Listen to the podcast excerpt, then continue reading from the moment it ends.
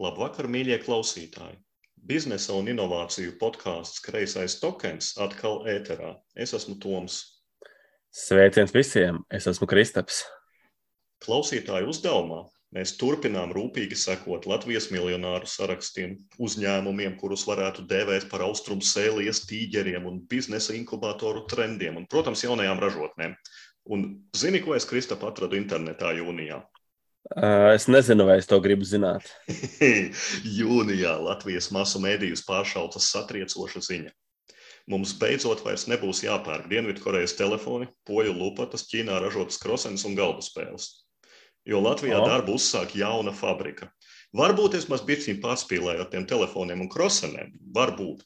Bet attiecībā uz galda spēlēm es gribu cerēt, ka kāda daļa taisnības būs un tēs no preses relīzes. Latvijas jaunu uzņēmums SIA Folded piesaistīs 1,7 miljonu eiro kapitālu, lai izveidotu modernu, automatizētu cietā kartona iepakojumu ražotni, kas spēs apmierināt arī strauji augošo pieprasījumu galda spēļu izgatavošanai. Šobrīd Folded gatavojas jaunam attīstības posmam sadarbībā ar SIA Brain Games, uzsākot galda spēļu kāršu un pužļu ražošanu. Kā tev, Kristap, šī perspektīva? Oh, es domāju, ka tur varētu būt tik interesanti. Es iedomājos, ka ražotnes cilvēki pāries no, kad izvijos Baltijas jūru no reņģu, reņģu fasēšanas pārējās uz galda spēļu fasēšanas. Varētu būt arī labs skats. Tu, tu domā, nocelt darbiniekus citām ražotnēm varētu mēģināt, vai ne? Tad tie, kas nu, tā strādā, vai nu nocelt darbiniekus. Protams, Krievijai, ja tie sāk tagad taisīt galda spēli. Nu jā, darbinieku trūkums ir noteikti. Jā. Mm -hmm. Nu, labi, nē, nu jokas pie malas, varbūt ķersimies uzreiz vērsim pie šitā te, pie, pie ragiem. Mums šodien ir ciemiņš. Mums ir ciemos Latvijas šobiznesa zvaigzne un galda spēļu vidas Markus Rīva, Kristapa iemīļotākais komiksu varonis, Egīls Grasmanis. Sveiks, Egīl! Sveiki, sveiki! Vakar. Egīls ir ļoti ciešā saistībā ar manis tikko aprakstīto SIA folderu, bet ne jau tāpēc mēs te aicinām cilvēkus uz kreiso tokenu, lai viņi varētu pastāstīt par to, kas viņiem padodas. Nē, Mums svarīgākais ir viņus nežēlīgi pārbaudīt slavenajā ekspresa intervijā. Un klausītāji, es jums garantēju, ka te viss notiek pa īstam. Mums nav kaskadieru, iestudēšanas un nav sagatavotu jautājumu. Nu, izņemot, ka mēs oh. prasījām sākumā Egīlam, ko mēs viņam nedrīkstam prasīt, bet tas neko nenozīmē vispār. To neviens pat neierakstīja. Egīl, vai tu esi gatavs desmit jautājumu pārbaudījumam? Vienmēr gatavs. Lieliski. Sāksim ar, ar tādu absolūti nopietnu jautājumu. Pirmais Eclipse vai Twilight Imperium? Eclipse. Labi, labi. Plus viens. Plus viens no Kristapa. Eh, Latvijas piena produkti vai imports? Nu, Latvijas, protams. Un papildu jautājums, mīļākais saldējums? Karlsons. Lieliski, lieliski. Un es ceru, ka upeņu nevis tas saveņu jaunais, jo tas ir garām, man liekas, ne?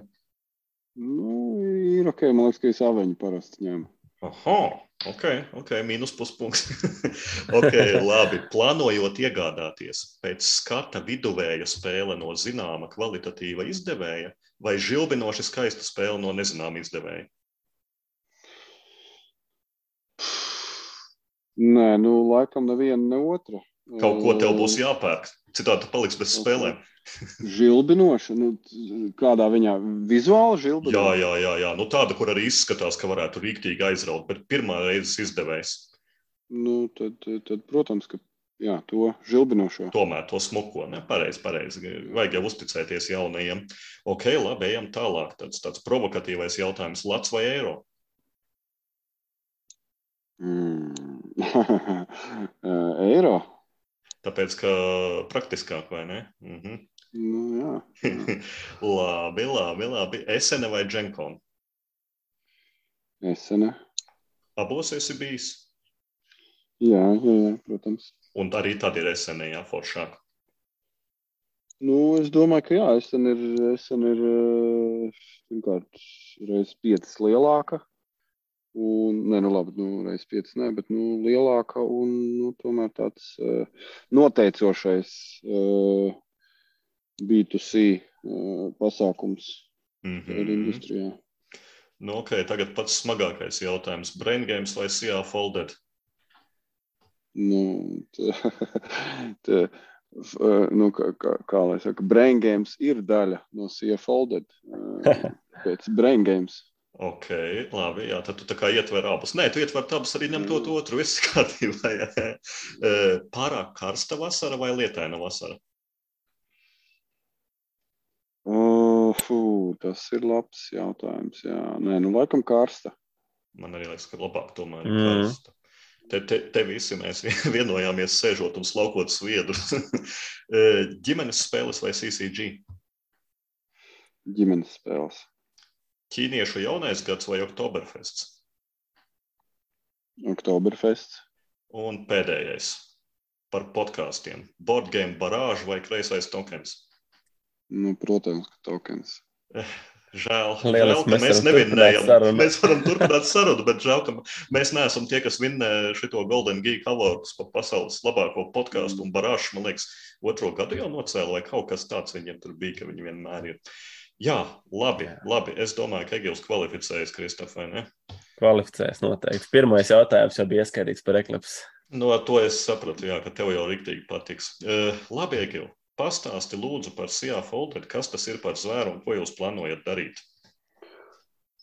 Tātad Foldit ir, Foldit ir eksistējošs uzņēmums, jau kādu nu, nedaudz vairāk par gadu eksistē un ražo iepakojumu, cietā kartona iepakojumus. Un mēs, kā lai saka, satikāmies un, un jā, runājām, ka varētu Restīvi, nu, veidu vai, vai, vai, vai sadarbības partnerus vai vispār iespējas, kā Latvijā varētu profesionāli kaut ko ražot, uh, nu, es, es vienmēr esmu kaut kā skatījos, meklējis. Un, un, uh, un te, te, te radās tāda iespēja, kur, kur uzņēmums ražo diezgan tuvu, tuvu tam produktu.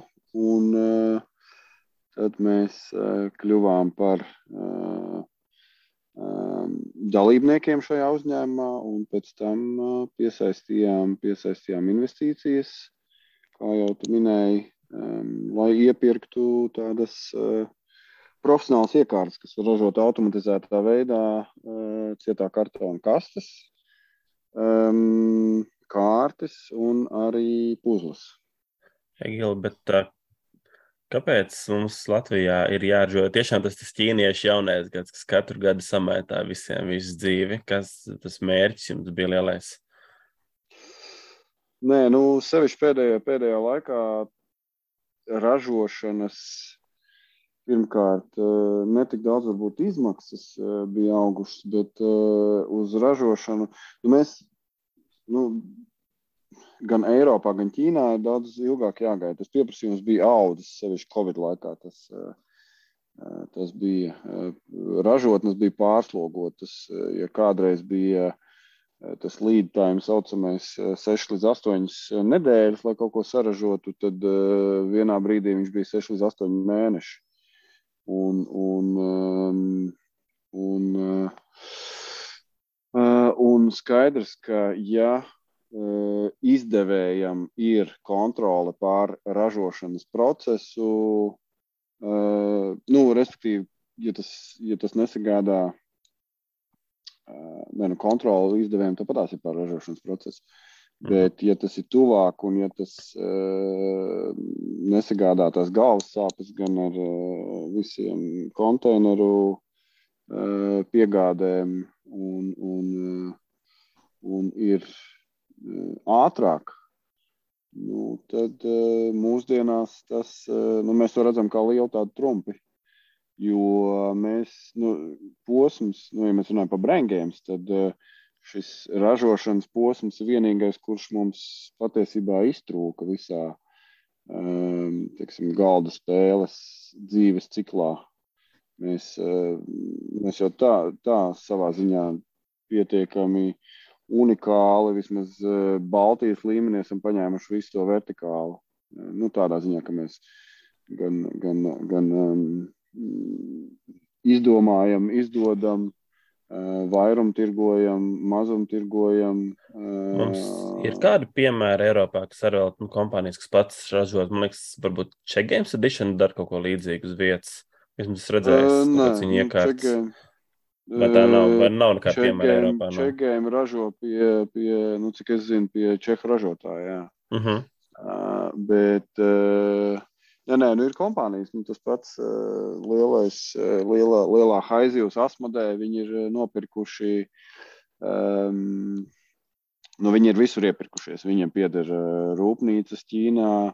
Viņiem, viņi pirms gada kaut kā nopirka lielāko Francijas uh, online veikalu Filiberu. Uh, nu, respektīvi, viņiem, viņiem ir. Uh, Šo tāpēc es laikam aizmirsu. Aizmirsu, nav Stabletopija, bet uh, Boardgame arena tagad viņiem ir board, nopirkta. board arena. Jā, jā Mm. board game arena viņiem ir. Nu, restīvi, viņi, viņi, viņi ir, protams, lielā, nu, tāds lielākais uh, zvērs, kas ir. Nu jā, bet viņi Bet ir viņi ir lielākais. salipināts kopā, jā, Frankensteins no tik daudz gabaliem. Tagad jau viņi tik daudz ir piepirkuši, ka viņus vairs nevar uzskatīt par izdevēju. Es viņus vairs neuzskatu par izdevēju, es viņus uzskatu par konsorciju, no, no kur, kur iekšā ir viss. Ka... Viņi, viņi, viņi izdevēji paši nekad nav bijuši. Viņi apvieno izdevējus. Mm. Nu, respektīvi, viņi, viņi apvieno izdevējus. Uh, uh, nu, kā lai saka, tāds. Uh, jā. Uh, nē, nu, bija, bija viņi laikam sākumā arī izdevēji, bet Man liekas, pašā viņiem, sākumā zem viņiem ir studijas. Jā, jā, jā. Tā kā, jā, man patika tā doma, ko tu minēji par tuvumu, ka ir tuvu. Es domāju, ka iespējams nevienam vien izdevējam gribētos aizbraukt, izlamāt ķīniešus, ko viņi čamājas fabrikā. Es saprotu, ka Braingēmam būs tāda iespēja aizbraukt uz Foldedu tepat Rīgā, vai ne? Un Mhm. izlamāt, ja kaut kas bremzē. Uh, nu, lamāties, man liekas, nav labākais risinājums, bet, bet, bet jā, jā, jā nu, mēs būsim daļa no šī ražošanas uzņēmuma, un līdz ar to mēs varam daudz operatīvāk. Skaidrs, ka šīs ražošanas kapacitātes būs abnormāli lielākas nekā vispār mūsu, mūsu šobrīd iespējas. Līdz ar to uz mums arī ir tāds spiediens savā ziņā. Nu, principā mums ir jārada jauni hiti, lai, lai, lai, lai, uh, uh, lai, no, nu, lai aizpildītu to ražošanas kapacitāti. Bet, bet mūsu plānos ir arī piedāvāt šo ražošanas pakalpojumu Eiropas Mm, izdevējiem. un mm. Tur mēs, jau- mēs jau, mēs jau pagājušajā gadā esenē minējām par to, un, un, un, un Eiropas izdevējiem ir ļoti liela interese arī atrast Mhm. alternatīvu ražošanu Tātad. Eiropā. Ja Tomsies Rīgā kaut ko ēst kafejnīcā, un tur Ignacis pie blakus galda, viņš zinās, ka tur viņš uz folderu ir atbraucis. Portāls, man liekas, pats tiek ar daudz ko galā. Bet, nu, ej, tas sazina, ej, tas sazina. Jā, Ko, jā, ko jā. zina? Viņam arī jauni produkti, jauns Nu, jauns. viņam ir iesprūduši Levens, laikam, ir Ķīnā iesprūdis, un viņš visu laiku taisnojas kaut ko tādu, ka kā tā arī viņiem neiet labi. Bet, teiksim, jā, man tā interese, mēs tomēr runājam par kartonu. kartonu. Es saprotu, spēles pamatīgi atšķiras, vai nu, kādu spēli pie jums, nu, pie Foldeda varētu uzražot no A līdz C. Es došu trīs kategorijas. Tas ir, piemēram, Black Stories, Katanas ieceļotāji vai Lords of Hellas.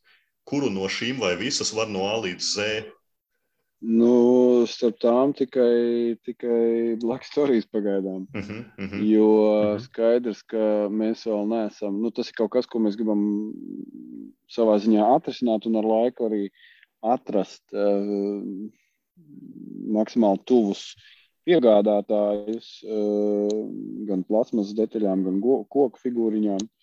Uh, tas ir kaut kāds tas nākamais posms, bet pašā sākumā mums būs viss no kartona, papīra, kārtīm un puzlēm. Un tas savā ziņā, nu, tas ir pirmkārt, tas ir, um, kā lai saka, nu, ekoloģiski. Un, un, un mūsu izdevniecības daļā mums ir papildus motivators domāt par spēlēm un domāt vairāk radoši, iespējams, kā var, uh, kā var uh, visas tās mūsu ražošanas iespējas, teiksim, kā varētu radīt produktu, kas apvieno to visu uh, un, un, un, un nu, jā, kaut kā mē- mēģinot domāt ārpus kastes. Mm. Runājot par ražošanu, vai tur nav kaut kāds tas lēciens, ko tagad Ķīna, teiksim, tā par 10, 20 gadiem ir pamatīgi uztrenējusi milzīgi know-how, vai tā sākot jaunu ražotni, pat arī jūs kā nozares speciālistiem, vai jums tomēr nav sajūta, ka okay, šo ķīniešu ir itīgi atkoruši kaut kāds knifs. Tad nu, tur ir pamatīgi jāieguldās, lai uzzītu to kaut ko pašu kvalitāti kādām top kompānijām. Protams, ķīniešiem ļoti dažādi. Tur ir drausmīgi un tur ir top, top, top. Bet uh, kāda ir tā sajūta par vai tur ir kaut kāda apakšējā lielie knifi, kas vēl jāatkož? Nu, mēs savulaik pirms gadiem pieciem izlēmām mainīt nu, mūsu izdevniecības Brīvības publishing spēles. Uh, Mēs pirms tam ražojām Polijā, Vācijā, bet mēs visi pārcēlām uz Ķīnu. Viena iemesla dēļ viņiem bija daudzreiz labāks servis nekā Eiropas ražotnēm. Viņiem, nu, klientu servis viņiem ir ļoti, ļoti augstā kvalitātē, vismaz mm. ar ražotnēm, kuriem mēs strādājam. Tur ir nu, jā, cilvēks, ar kuru tu jebkurā brīdī var, var uzčatot arī un atrisināt kaut kādas. Un viņiem ir, protams, komandas ar inženieriem un tehniskiem cilvēkiem, kas nu, atliek tikai pateikt, ko, ko vajag, un viņi spēja atrast tam risinājumu un piedāvāt risinājumu tādā ziņā pavisam noteikti tur būs ko darīt. Jā. Jā, ja jau mēs par to Ķīnu, es domāju, pēdējos gados aizvien jūtīgāks tas jautājums paliek hobijā par ražošanu Ķīnā, jo, jo, jo pārkāptās cilvēktiesības, nenormētās darba stundas, zemās algas, nezinu, pašas valsts nedraudzīgā globālā politika, un tiešām ir daudzi gameri un arī podkāsteri, kas paceļ balsis un saka, ka nevēlas, lai viņu spēli ražot tur padebešu impērijā. Un izdevēji atkal saka, nē, mūsu hobijs par mazu, mēs nevaram ietekmēt globālos procesus, un, un, un pat ar visām loģika, loģistikas problēmām spēles tāpat daudz reizes izdevīgāk ir ražot Ķīnā. Brendgēmam arī ir mhm. pieredze, vai tiešām ir tā, ka daudz reizes pat ar visu transportu iznāk lētāk Ķīnā? Nu, vairs nav tik daudz no esošajām transporta izmaksām. Tā starpība nav tik liela. Un, un, un tomēr eh, laiks šeit arī ir diezgan būtisks faktors. Nu, um, Restīvi, nu, piegādes laiks. Bet izmaksu ziņā, nu, jāsaka, tikko mēs uh, izdarījām vēlreiz uh, pieprasījumu pēc mūsu jaunajām spēlēm, kuras mēs plānojam rudenī palaist. Uh, un, un, un nu, jāsaka, tur tās cenas bija ļoti, ļoti konkurētspējīgas. Jā. Ķīnā cenas ziņā uh, pavisam noteikti viņi vēl ir uh, konkurētspējīgi. Jā. Tā kā, mm. Tur, protams, būs un ar to, kas mums gaidāms rudenī, tas skaidrs, ka nu, mums jāmeklē, jāmeklē citi uh, trumpji. Un, un, uh, un mūsu, mūsu gadījumā, kā vienu būtisku un lielu priekšrocību, es savā ziņā redzu to, ka uh, nu, principā mēs varam, nu, mums būs iespēja produktu salīdzinoši īsā laikā saražot, un, eh, un, un eh, viens, par ko mēs domājam, ir tēmējam arī iet, eh, kā lai saka, nu, B2C uz citām valstīm.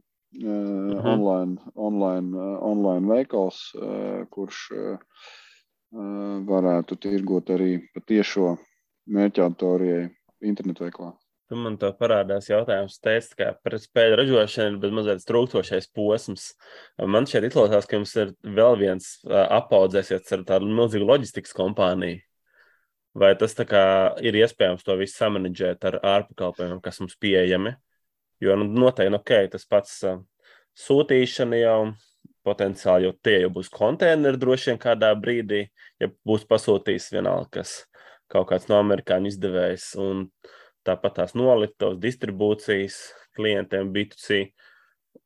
Un beigās arī noteikti būs kāda interese, kādā brīdī būs tā spēle, kur ir tās kārtas un kartons, bet tur vajadzēs tos koku kok figūriņus no kaut kurienes importēt, kaut kādas dažas, vai ne? Tur atkal būs ņemšanās, vai jums tā kā būs, būs. nebieda tā loģistikas darbošanās? Nu, loģistika pati, pati piegāde jau tā ir vienmēr outsourcēta. To, to nodrošina loģistikas kompānijas, kas attiecas uz noliktavām. Nu, ražošana var būt outsourcēta.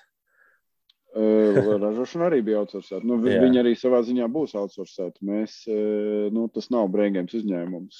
Nu, Nu, jā. savā ziņā tas ir. Nu, nu, tur, tur mēs neesam vieni. Tā kā Tur ir cilvēki ar lielu ražošanas un poligrāfijas pieredzi eh, šajā uzņēmumā. Un Tas, tas ir tas lielais trumps. Mēs patiesībā sanākam kopā. Eh, Nu, mēs tur esam četri, četri galvenie tie dalībnieki. Em, Tātad mēs, Brain Games, tad ir Urberga poligrāfijas aģentūra, tad ir Austrijas polis, kas ir, kas ir uh, ražošanā, po- poligrāfijā nu, ar, ar milzīgu pieredzi uh, gadu desmitiem un, un, un, un uh, finanšu un struktūrēšanas tāds speciālists Roberts Stuģis. Tā kā nu, spēcīga tā komanda ir. Un, un ja runā par nu, piegādes patiešo B2C, tas jau ir nu, visvienkāršākais. ziņā. Tā kā nē, es uh, lo- loģistikas ziņā es tur nesaredzu daudz problēmu. Es pat nu, domāju, tas savā ziņā ir uh, priekšrocība. Savā ziņā mēs varam veidot arī tādu tā mazo kickstarteru. Mēs varam, uh, ja, nu, visām ražotnēm parasti minimālais daudzums, ko uzražot, ir uh, tūkstotis eksemplāri. Nu, respektīvi, mums ir, ja mēs uh, teiksim, izdodam spēli un spējam ielikt uh, mārketinga izdevumos, notēmējam tā, lai mēs pārdodam pāris dienās tūkstotis eksemplārus, uh, nu, tad, tad, tad, tad mēs viņu, nu, teiksim, tad mēs viņu saražojam. Nu, mēs, mm, Tāds nu, GMT princips, jā, bez maz vai, ja, ja ir interesanti, tad mēs taisām. Nu, tieši tā. Jā, jā, Viņiem jau arī jā. tā P500 sistēma, laikam, Mhm. ka vismaz 500 Jā, cilvēkiem ir 500, jā. jāgrib, un tad viņi izdrukās. Es par Mm. to kartona, nu, visām lietām, es tagad domāju, ja mēs tur nav, nav figūriņas, nav miniatūras, nav tā, ar, ar, ar ko šis atšķiras no tādas super advancētas tipogrāfijas. Vai nebūtu tā, ka, nezinu, Brain Games aizietu Jelgavas tipogrāfiju vai kuras Latvijā ir lielākās, un varbūt, ka tur arī visu to varētu izdarīt. Nē, nē, diemžēl nē, viena iemesla dēļ. Tāpēc Latvijā nav vienkārši tādas iekārtas, kas, kas cietā kartona eh, kastes spēj ražot. Mhm, Nu, mhm. Nu, Baltijā, Baltijā tādas ir dažas. Dažas viņu nu, Lietuvā teiksim, viņi strādā pilnībā uz IKEA. Viena. Uh, tad ir viena, kas ir mūsu labi partneri, loģiski spēļu ražotāji, kuri dara to pusautomātiski. Un, un tur jau radās problēmas. Mēs viņus pārstāvējām A- A- ASV tirgu. un Tur bija tā, ka lielākā nu, hipermarketa ķēde bija ļoti interesēta tajā produktā. Un, eh, bet viņi vienkārši nespēja to kapacitāti nodrošināt. Ja, ja nu tas, tas produkts uzsprāgst, nu, respektīvi aiziet ļoti labi, iegūst kaut kādas balvas, ir jābūt spējīgam to produktu saražot eh, lielos apjomos, salīdzinoši īsā, ātrā laikā. Un to, tas nav iespējams, ja, ja, ja tas notiek eh, pusautomātiski vai manuāli. Un skaidrs, ka Latvijā tiek ražotas spēles arī, bet viņām nu, tas notiek uh, roku darbs. Tas ir, uh, tas ir uh, pirmkārt dārgāk, un otrkārt uh, tur ir risks, ka, ja nu pēkšņi vajag milzīgus daudzumus, tad nu, tāpat tās ir jā, jā, nu, jāražo nopietnā ražotnē. Un, un, un otrs ir tas, ka nu, teiksim, mūsu ejošākajām spēlēm, kā aizkūla un Teams Rīt, tāpat tās ir plasmas detaļas. Um, Mums uh, vismaz sākuma posmā nebūs citu variantu. Mēs iepirksim vienkārši no Ķīnas uh, šīs plasmas detaļas, un to dara arī ļoti daudzi Eiropas ražotāji. Uh, nu, Restīvi detaļas iepērk tās, kuras nevar saražot, un, un, un tām savukārt ir daudz izdevīgākas. Nu, mēs neliekam konteinerī gaisu. Komp kompaktāks un, un lētāk atvest. Jā. Okay. Tagad tā domāju, teiksim, ir spēle, ja, ir dizaineris, ir izdevējs. Pēdējos gados bieži izdala māksliniecisko noformējumu autoru, un, un, un tad kāds ir teicis, vajadzētu arī skulptoru izcelt, ja spēlē ir miniatūras. Bet es teiktu, ka tas ir viss, ko par spēli uzzina gala patērētājs. Bet nu, tajā dzīves ciklā spēle iet cauri daudziem procesiem, testēšana, slīpēšana un, protams, arī ražošana. Vai tavuprāt, spēlētājam, gamerim būtu jāzina kaut kas vairāk, vai viņam patiesībā nav svarīgi, kādu šitpapīru ievārīja desā?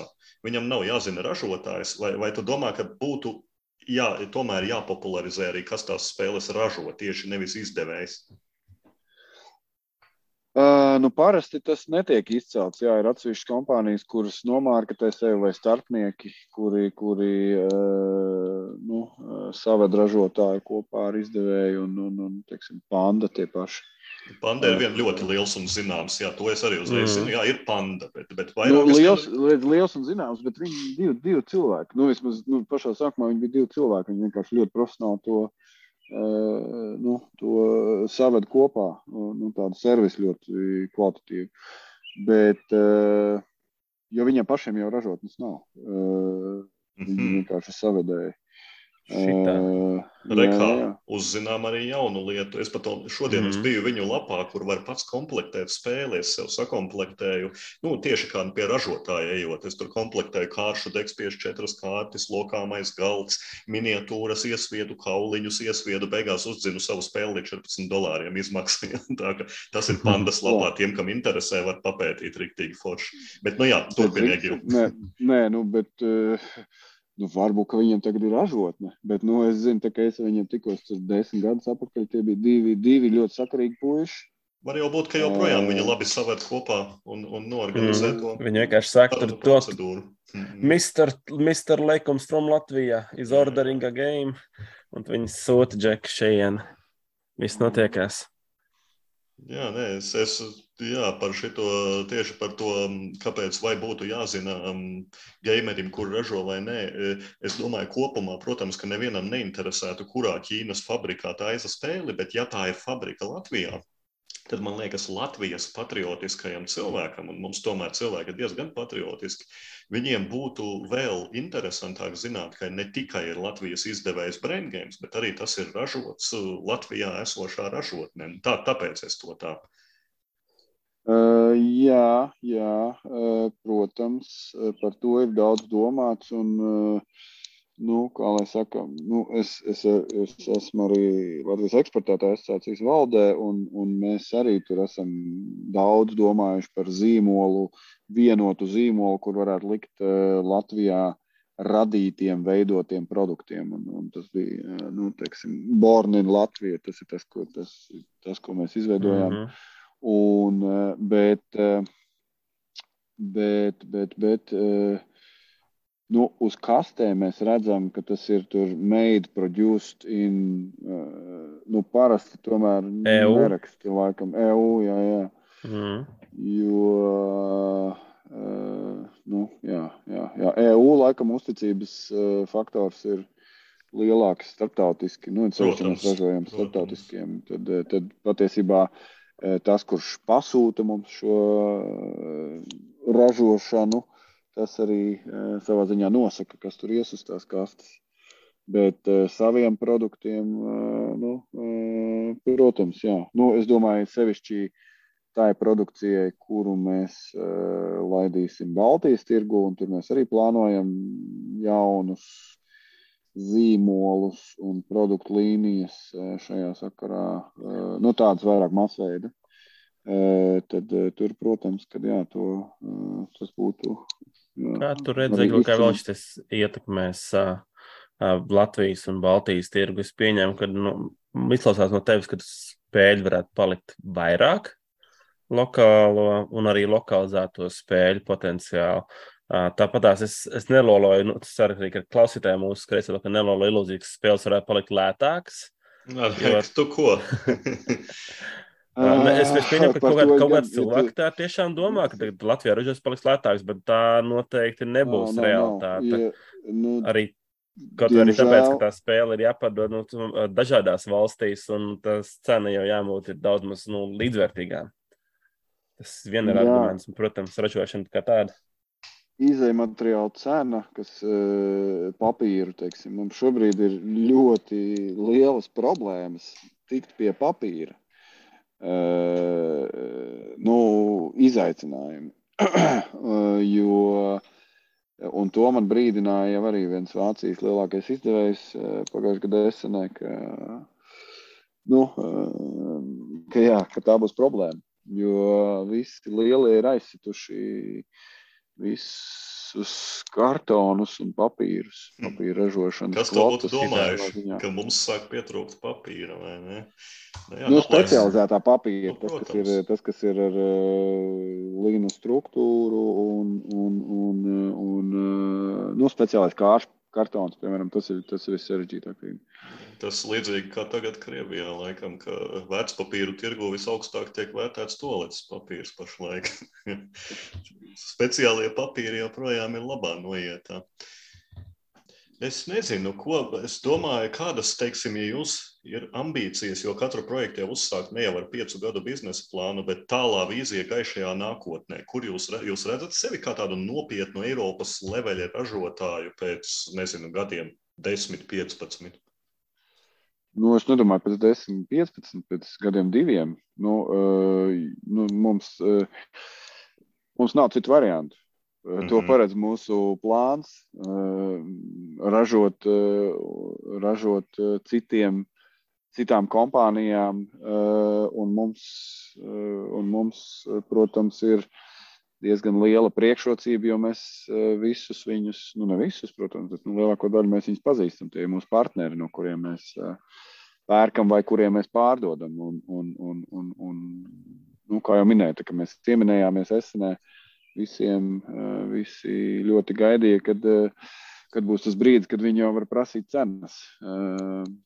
Eh, nu, tas brīdis šoruden būs. Jā, nu man, man, man ir vēl pēdējais jautājums, palicis, ko es gribēju paprasīt. Tagad mēs esam vidē, kur ir vokāli izdevēji, runīgi dizaineri, visi ļoti runā, un līdz ko ir jebkuri fēleri, tā tad to noraksta uz ražotāju vai transportētāju. Vai tiešām tā arī ir, vai ir kaut kādas lietas, ko izdevēji kā pasūtītāji varētu darīt labāk attiecībā pret ražotāju? À, ko izdevēji varētu darīt labāk? Hmm. Nu, labāk rakstīt noteikumus. Uh, Nu, bet, ja mēs par komponentiem runājam, tad, tad skaidrs. Nu, Domā, tā kā specifika, nevis noteikums, ja tā kā pasūtītā. Nu, nē, nē, nu es domāju, spēles noteikumi. Ah, spēles noteikumi. Es, es vairāk, kā, ko izdevēji var darīt labāk pret ražotāju, ja, ko viņi var nu, jā. vairāk palīdzēt. Ja, jo nu, noteikumi tas jau pret gameri vairāk, protams. Jā, jā. Es domāju, Nu, grūti pateikt. Tas, tas uh, servis līmenis tomēr ir ļoti augsts ražotāju pusē, un ražotāja atbildība ir milzīga. Nu, teiksim, tā, mēs, uh, tā, mums aizkulis izšāva uh, Amerikā, mums bija nu, tajā lielajā targeta ķēdē, mums bija konkrētā datumā jāpiegādā konteineri ar aizkulu. Un tad, kad tie konteineri bija uz ūdens jau, mēs sapratām, ka viņi visi ir brāķi. Nu, un, un ražotājs uzņēmās atbildību. Viņš paņēma tos konteinerus atpakaļ un nu, nedaudz nokavēja, bet viņš saražoja pilnīgi jaunu. Vēlreiz baķi. Nu, tā, tas, un, un, tā, tā, tā bija Ķīna. Jā. Tā kā tā ražotāja atbildība ir milzīga, un neviens negrib, neviens negrib to reputāciju sabojāt, jo tā industrija ir ļoti draudzīga un ļoti maza savā ziņā. Tāpēc nu, es arī nu, pavisam spīlēm cenšos, nu, ka mums būs jāatšķirās ar kvalitāti. Nevis jāatšķirās, bet mums būs vismaz jānotur tā augstā kvalitāte un, un servisa līmenis. Tā kā, Nu, skaidrs, jā, droši vien, ka to mēs arī Foldedam novēlam. Novēlam kombinācijā ar braingēmiem saveidot daudz, daudz, daudz foršas spēles. Un es domāju, Kristop, ka mēs varam Egīlam teikt šodien paldies par to, ka padalījās un, un, un, un paši doties jau tad arī tālāk. Paldies liels par sarunu! Jā. Ļoti jauki.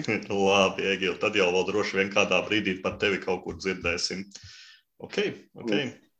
Nu, ko no Egīla esam veiksmīgi tikuši vaļā. Ļoti daudz laba un interesanta uzzinājām. Bet mm -hmm. nav tā, ka arī mums nav nekā interesanta, ko pastāstīt, jo mēs nodarbojamies arī pa laikam ar tādu lietu kā galda spēles un kaut ko spēlējam pa bišķiem. Un man šķiet, ka Kristaps ir spēlējis kaut ko diezgan ne tikai mums svaigu un gardu, bet arī visai pasaulē, vai ne?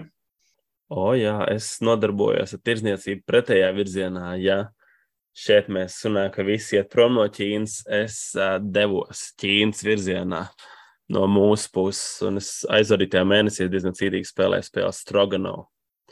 Uh, nevis par asogaļas mērķi, bet par 16. gadsimta krievu dzimtu, kas mēģina piepildīt cara vēlmes. Un viņi mēģina apgūt ar vien vairāk un vairāk ter teritorijas uz Sibīrijas austrumiem. Tirgojoties, medījot, uzdzīvojot, spēlējot balalaiku un visu kaut ko tādu. Uh, Ha, nu, tas spēles. Spēles dizainers ir Andrēs Stedings, kas mums ir aprunāts tokenā gana daudz. Nepelnīgi daudz pat teikt, ko mēs zinām no Gugonga. Un arī šeit ļoti daudz no dinastijas. Staufer dinastijas. Dugongs bija pirmais uzmetiens um, pirms pāris sezonām. Un, jā, jā, jā, un man tā kā šodien ir liels uzsvars uz, uzsvars uz izdevēju, man jāpiemina arī Stroganov izdevēji, kas ir izdevuši Game Brewers, kas ir kompānija ar tādu ļoti neglītu rūķi uz sava logo. Un es ceru, ka tas nav viņa tā kā CEO. Ka mums nebūs tāds sarunas tā kā Regila. viņa boss attēls vai ne. Un, bet šī ir viena no tādām kompānijām, kas ir uzlūkušās zvaigznes, es teiktu, galdspēļu pasaulē. Viņi pamazām paliek ar vien vairāk un vairāk. Viņi taisa vienu pēc otru veiksmīgās Kickstarterus. Un kam es teiktu, ir vērts pasakot, nu, tas, kas viņi ir, lauciņā ir Gugongs, tas pats. Viņiem ir pēdējais Kīsliņa Krēmera grāvējs Parīze. Un tas, kas Nu, no cik nu grāvējs, bet, nu jā, zināms, zināms. Nu, ja vecmēs tur uzvar uztais kaut ko labu, tas jau ir Protams. daudz. Paskaties pēdējās Eltona Džona dziesmas. Nu, protams, bet man liekas, ka Kickstarter arī viņš savāca 200 tikai tas tā, tā Kīslingam Krāmerim. Nu, Jā, es nezinu, man jāskatās. Un tas, kas man interesē, un ko es arī metu acis, es paņ- nometu acis vairāk uz Stroganovu, bet ir Hipokreitas. jā, jā. Par, par antīkās Grieķijas dakterēšanu cilvēku, kur nāk, viss stājās rindā un dakterējās, kā nomirs, man liekas, super interesants spēle. Es ceru, ka kādreiz viņa būs tokena svaigā gardā. Vai nu caur mani vai caur Tomu. Nu, lūk, bet labi, par pašu Stroganovu ar tēmu. Un nevajag pārprast, man spēle ir diezgan liels optimizācijas puzles. Kā jau daudz eiro, vai ne? Un tā spēle ir par nemitīgu mahināciju ar zvērādām. Nomedīja lapsas, sakrāja vairākas lapsas, nomedīja lāčus un tā tālāk. Bet tas, ko es gribu izcelt, ir integrēti, varam izcilt dažādi uh, interesanti tematiskie uh, feature un, un tā tālāk.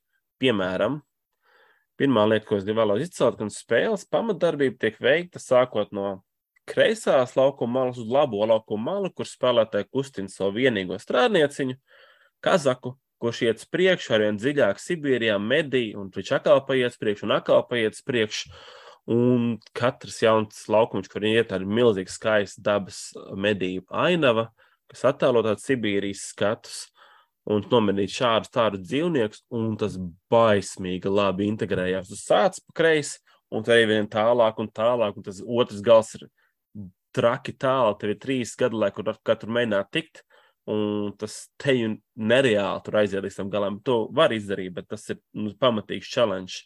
Un ir sajūta, ka tiešām lauzies uz tiem austrumiem, arī tālāk, un uzbūvēja savu nometni tur. Un skaties, un tematiski likās ļoti forši, ka tur ir aiziet pēdējā lauciņa. To nomedīja tīģeri, jo viņš arī dzīvo tuvāk Ķīnai. vai ne?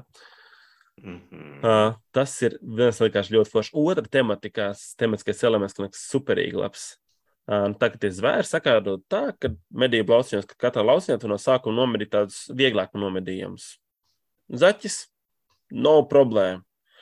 Uh, lūsis, tur jau ir pamatīgāka problēma. Lācis ir daudz lielāka problēma. Un tematiski ir ārkārtīgi forši, ka medī zaķi. Viss, ieeja krūmos, atnāc ar zaķi. Tāds strādā, vai ne? Ja tu gribi nomedīt lācis, tev jāsavāc vesels bars ar zirgiem uh, un jādodas priekšu. Tas jau ir tāds vesels mednieku komanda, kas tam dodas pakaļ.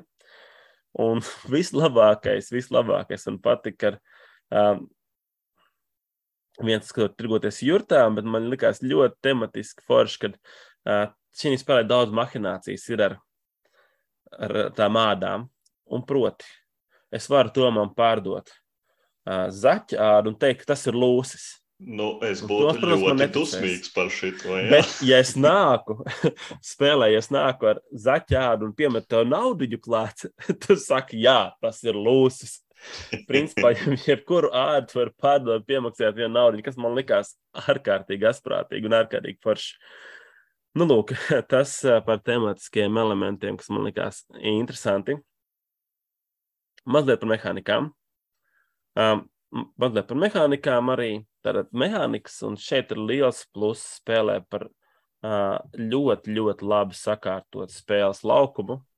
Augšējā daļā tev viss ir smuki uzzīmēts, iekļaujot dizainā, un tur ir viss, ko jau dzīvē tev vajadzētu. Un tie gājieni, kā tādi, nav pārāk sarežģīti. Vairāk mazāk ir trīs darbības. Uh, ir, ga, ir č- kopā tiek izspēlēti četri gadi, Nu, kā parasti gada laiki, pavasars, vasara, rudens, kur darbojas. Ziemā ir tāds ej dziedāt balalaiks.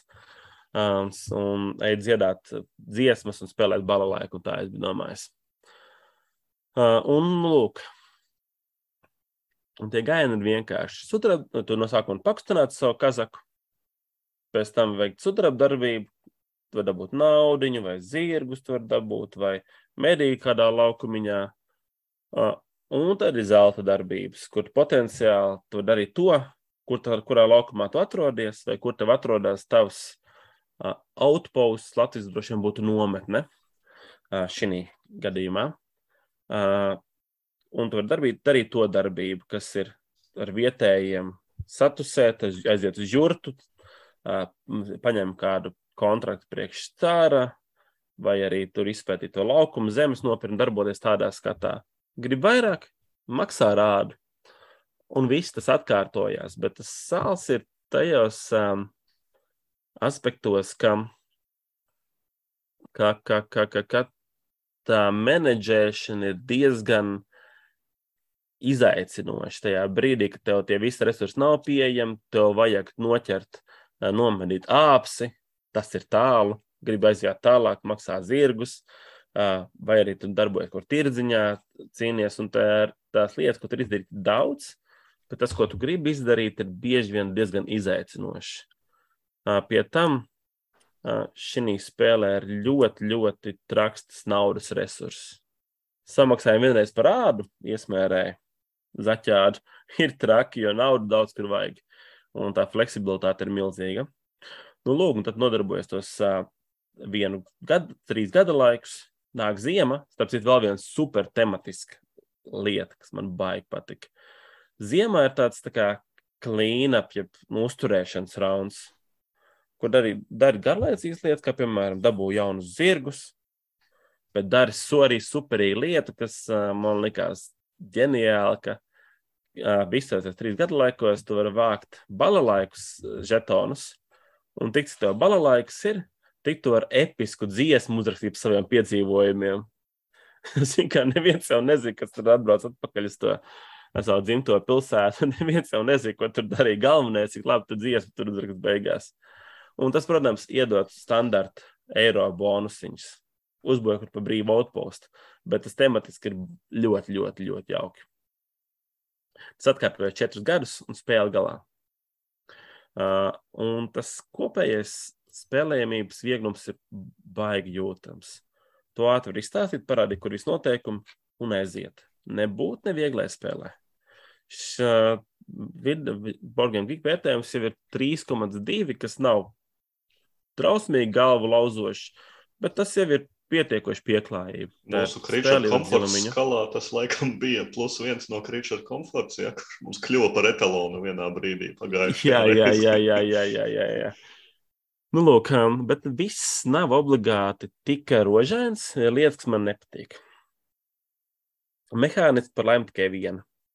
Ja, ja spēles tā sajūta līmenī, tas foršākais kaivs ir tajās medībās un tā at, Sibīrijas atklāšanā un to resursu iegūšanā un kontraktu pildīšanā, diemžēl diezgan daudz mm, no tavas veiksmes ir atkarīgs spēles laukuma kreisajā augšējā stūrī, kas ir tirgošanās. Un tas pat nav darbība, tas ir kā brīva darbība, kur tu vari samainīt krūtāku ādu pret švakāku ādu, vai divas ādas pret kādu citu. Un man ir sajūta, ka tas ir diezgan svarīgi to visu utilizēt, lai tu varētu virzīties uz priekšu.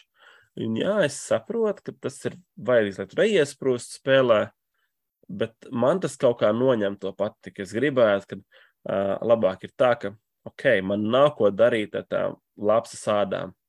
Vēlams ar viņām. Labāk vienkārši pārdot, dabūt kādu naudu un nemainīt pret tām citām ādām, darbojas priekš.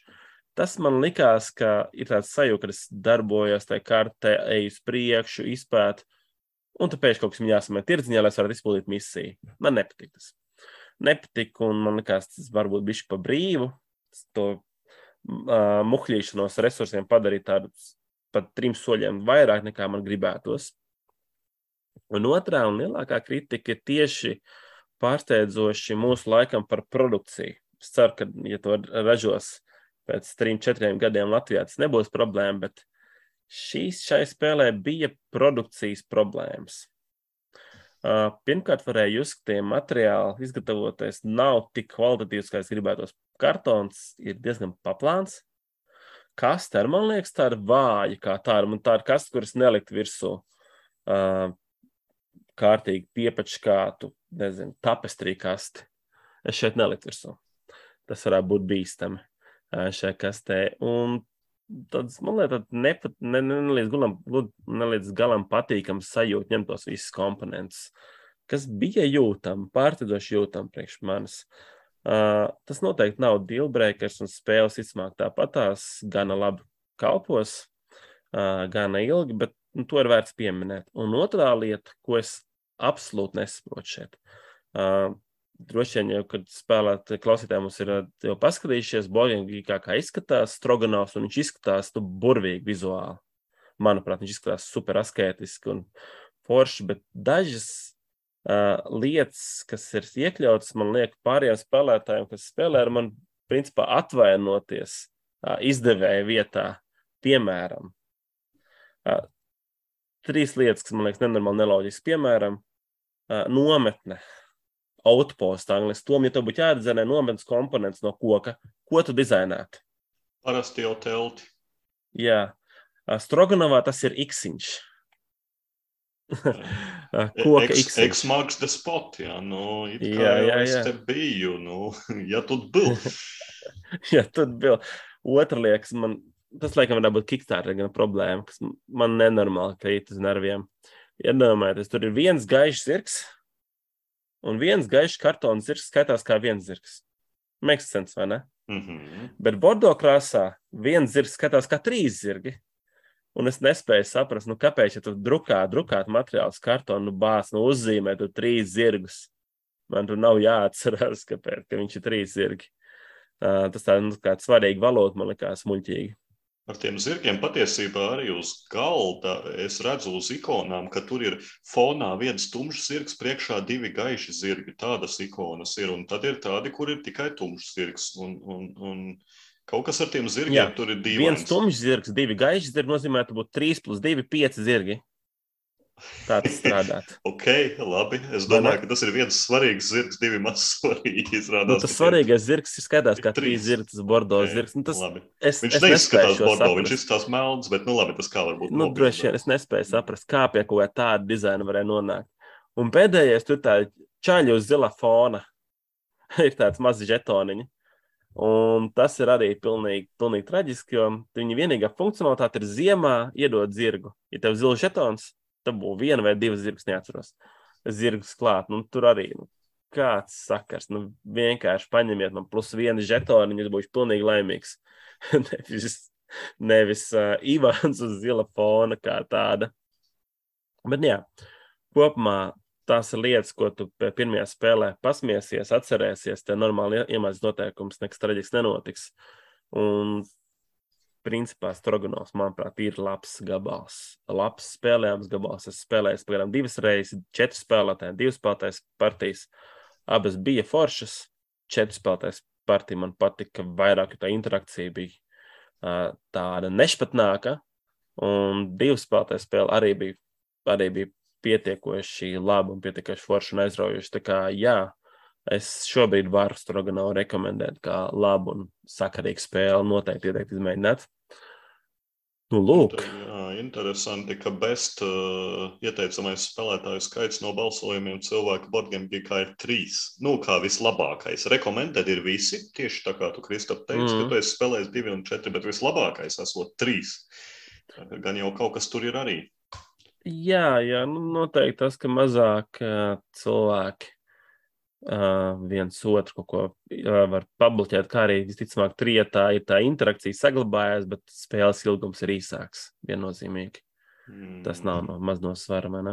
Jā, nu, Latvijas smagsvari tulkošanā tilde saka, ka outpost ir priekšpostenis, nevis nometne. Nu, šajā kontekstā es teiktu, tas ir gan, gan, jo tu bīdies uz priekšu pa to, to, uz to Sibīriju. Ja, bet, nu, viņa mērķis ir tāds, ja tev tur tas priekšpostenis ir, tad uh, tu vari tās zelta darbības veikt no tā visa reģiona arī.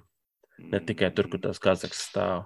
Jā, šeit tas, kas man šķita interesanti Stroganovam, ir tas, ka šis ir nevis vienkārši eiro, kur es mainu lietas pret lietām, lai tiktu pie labākām lietām un beigās pret punktiem, bet es saprotu, ka liela nozīme ir tam reisa aspektam, ka tu dodies uz priekšu, vai ne? Tas ir tas, laikam, ir tas, kas viņu atšķir no, no citiem eiro, kur notiek mainīšana.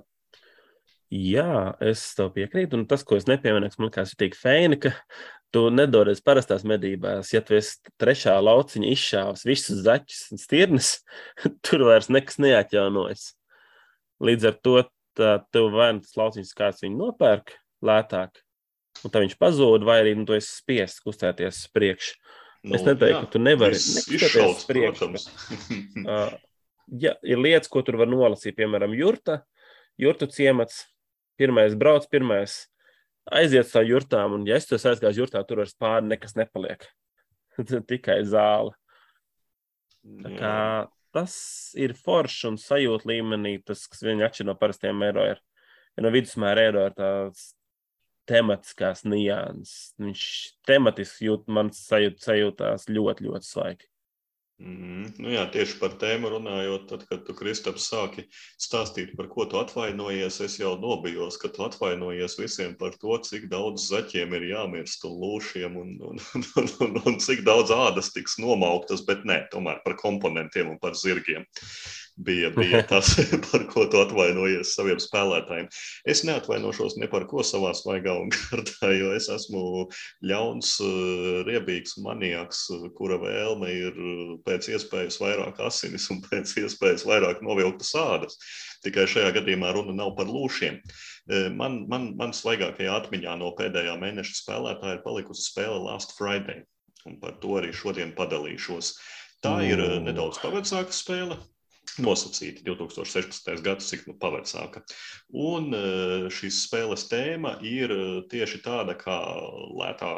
Pat neteiksim superlētā, bet vidēji lētā gala šausmenēs par, par slepkavu, kurš skraida pa mežu pakaļ bariņam jauniešu spiedzošu un pa vienam viņus slaktē nost vai pa grupiņām, cik nu labi tas izdodas. Un, un man patīk, kā tēma ir pieiets ar humoru visā šajā spēlē un pasākumā, jo tā doma ir tāda, ka ir pie, pionieru nometne. Tā nav gluži, tā ir nometne Amerikā. Uh, un, un, un, un ir ieradušies pieci šie konsulori, jeb jaunie pasniedzēji, kuram katram ir namiņš ar saviem, būs, ar, būs, būs namiņš ar saviem audzināmajiem pie ezera. Un viņi ir ieradušies, un viņus neviens nesagaida tajā nometnē. Viņus īpašnieki nesagaida. Un viņi izdomā, ka, o, mums ir uztaisīts tas tā saucamais treasure hunt. Mums ir jāatrod atslēgas pašiem uz savām būdiņām. Viņi redz, ka būdiņas ir, bet durvis ir ciet, un tad viņi staigā gar ezeru un meklē atslēgas uz būdiņām. Un tad viņi ik pa brīdim atrod kādu līķi no, no, no, no tiem, kas ir, kam piederējis tas, tas kempings. Un e, pa laikam viņi atrod kādas atslēgas, un tikmēr lielais ļaunais maniaks e, jau staigā apkārt, un ik pa brīdim kaut kur uzrodas, un ik pa brīdim kādam arī pārgriež rīkli. Un šī, kā jau var saprast, tad pārējot pie mehānismiem, ir viena spēlētāja pret visiem pārējiem spēlē. Šajā spēlē vienmēr piedalīsies pieci tēli. Tad cilvēku pusē, jeb labo pusē, Kaut gan kurš nu ir labais, tu, protams, ir jāskatās. Bet, bet, bet upuru pusē ir jābūt pieciem tā saucamajiem čariem. Pat ja spēlē Šo spēli var spēlēt arī divi cilvēki, tikai viens par manieku un viens par uh, labajiem, bet viņš vienkārši kontrolē šos piecus tēlus. Bet, bet kopumā var spēlēt līdz sešiem spēlētājiem. Tātad viens ir, viens ir um, šis tā, tā saucamais maniaks game masters, ja, un, un, un pieci ir bēguļojoši spiedzošie un ne tikai arī spiedzošie šie te kemping, kempinga būdiņu vadītāji. Un mehānismi jāatzīst īpaši nepārsteidz šajā spēlē. Ja cilvēkiem ir zināmi šī tipa spēles, kas ir visklasika, protams, absolūtā būtu Scotland Yards, bet ļoti bieži šīs spēles tiku ir mēģināts pārveidot, un, un katra, kura iznāk, saka, o, mēs būsim baigi labāka, vai tas ir Letters from Whitechapel, vai, vai eh, tagad nenāk prātā tā, kas bija pa vidu par Drakula. Par, Drakula, Fury of Dracula, jā, tas ir vēl viens, bet pa vidu bija vēl viena. Spectre. Spectre Ops arī, jā, tu, tu, tu te sauc, bet nē, ir vēl viena vecāka. Bet, nu, vienalga, tas, vārdu sakot, šāda tipa spēles ir diezgan daudz, kur, kur kāds kādu mediju un ir šīs te, tā saucamais hidden movement mehānisms, jau slepenā kustība. Un šajā gadījumā, protams, ka tas, kurš slepeni kustas, ir maniaks, un karte ir sadalīta, uz kartes ir aplīši ar cipariņiem iekšā, un starp tiem aplīšiem ar cipariņiem ir tādi mazi balti aplīši. Cilvēki, tie, kas nav maniaks, viņi iet pa mazajiem baltajiem aplīšiem un, un pa lielajiem apriem soļo maniaks. Ja, un, ja viņš pāriet pāri kādam mazajam baltajam aplītim, kur kāds stāv no cilvēkiem, tad tas cilvēks ir pa galam. Šī ir sort of pa daļai spēlē ar spēlētāju izslēgšanu, bet nu, viņa balansē uz tā robežas. Es teiktu, ka tik traki šeit tā spēlētāja izslēgšana nav. Jo kas ir interesantākais gan tematiski, gan mehāniski, un šo spēli atšķir no citām, ir mm, tā saucamie čapteri, jeb daļas. Eh, šī spēle ir tiešām veidota kā filma es tiešām redzu sevi skatoties kinoteātrī tādu slasheru zem, zemā līmeņa šausmu filmu, kur ierodas grupiņa, grupiņa jauniešu un, un, un, un pamana, ka viņiem seko manieks, tad viņi bēg, viņi atrod kabīnes atslēdziņas, viņiem izdodas iebarikādēties kabīnē, un tad nāk jau rīts, viņi saņemas drosmi, viņi paņem cirvjus, Viņi paņem tur ar naglām sagatavotus dēļus, un viņi iet ārā medīt manieku. Un tas ir tieši tas, kas šajā spēlē notiek.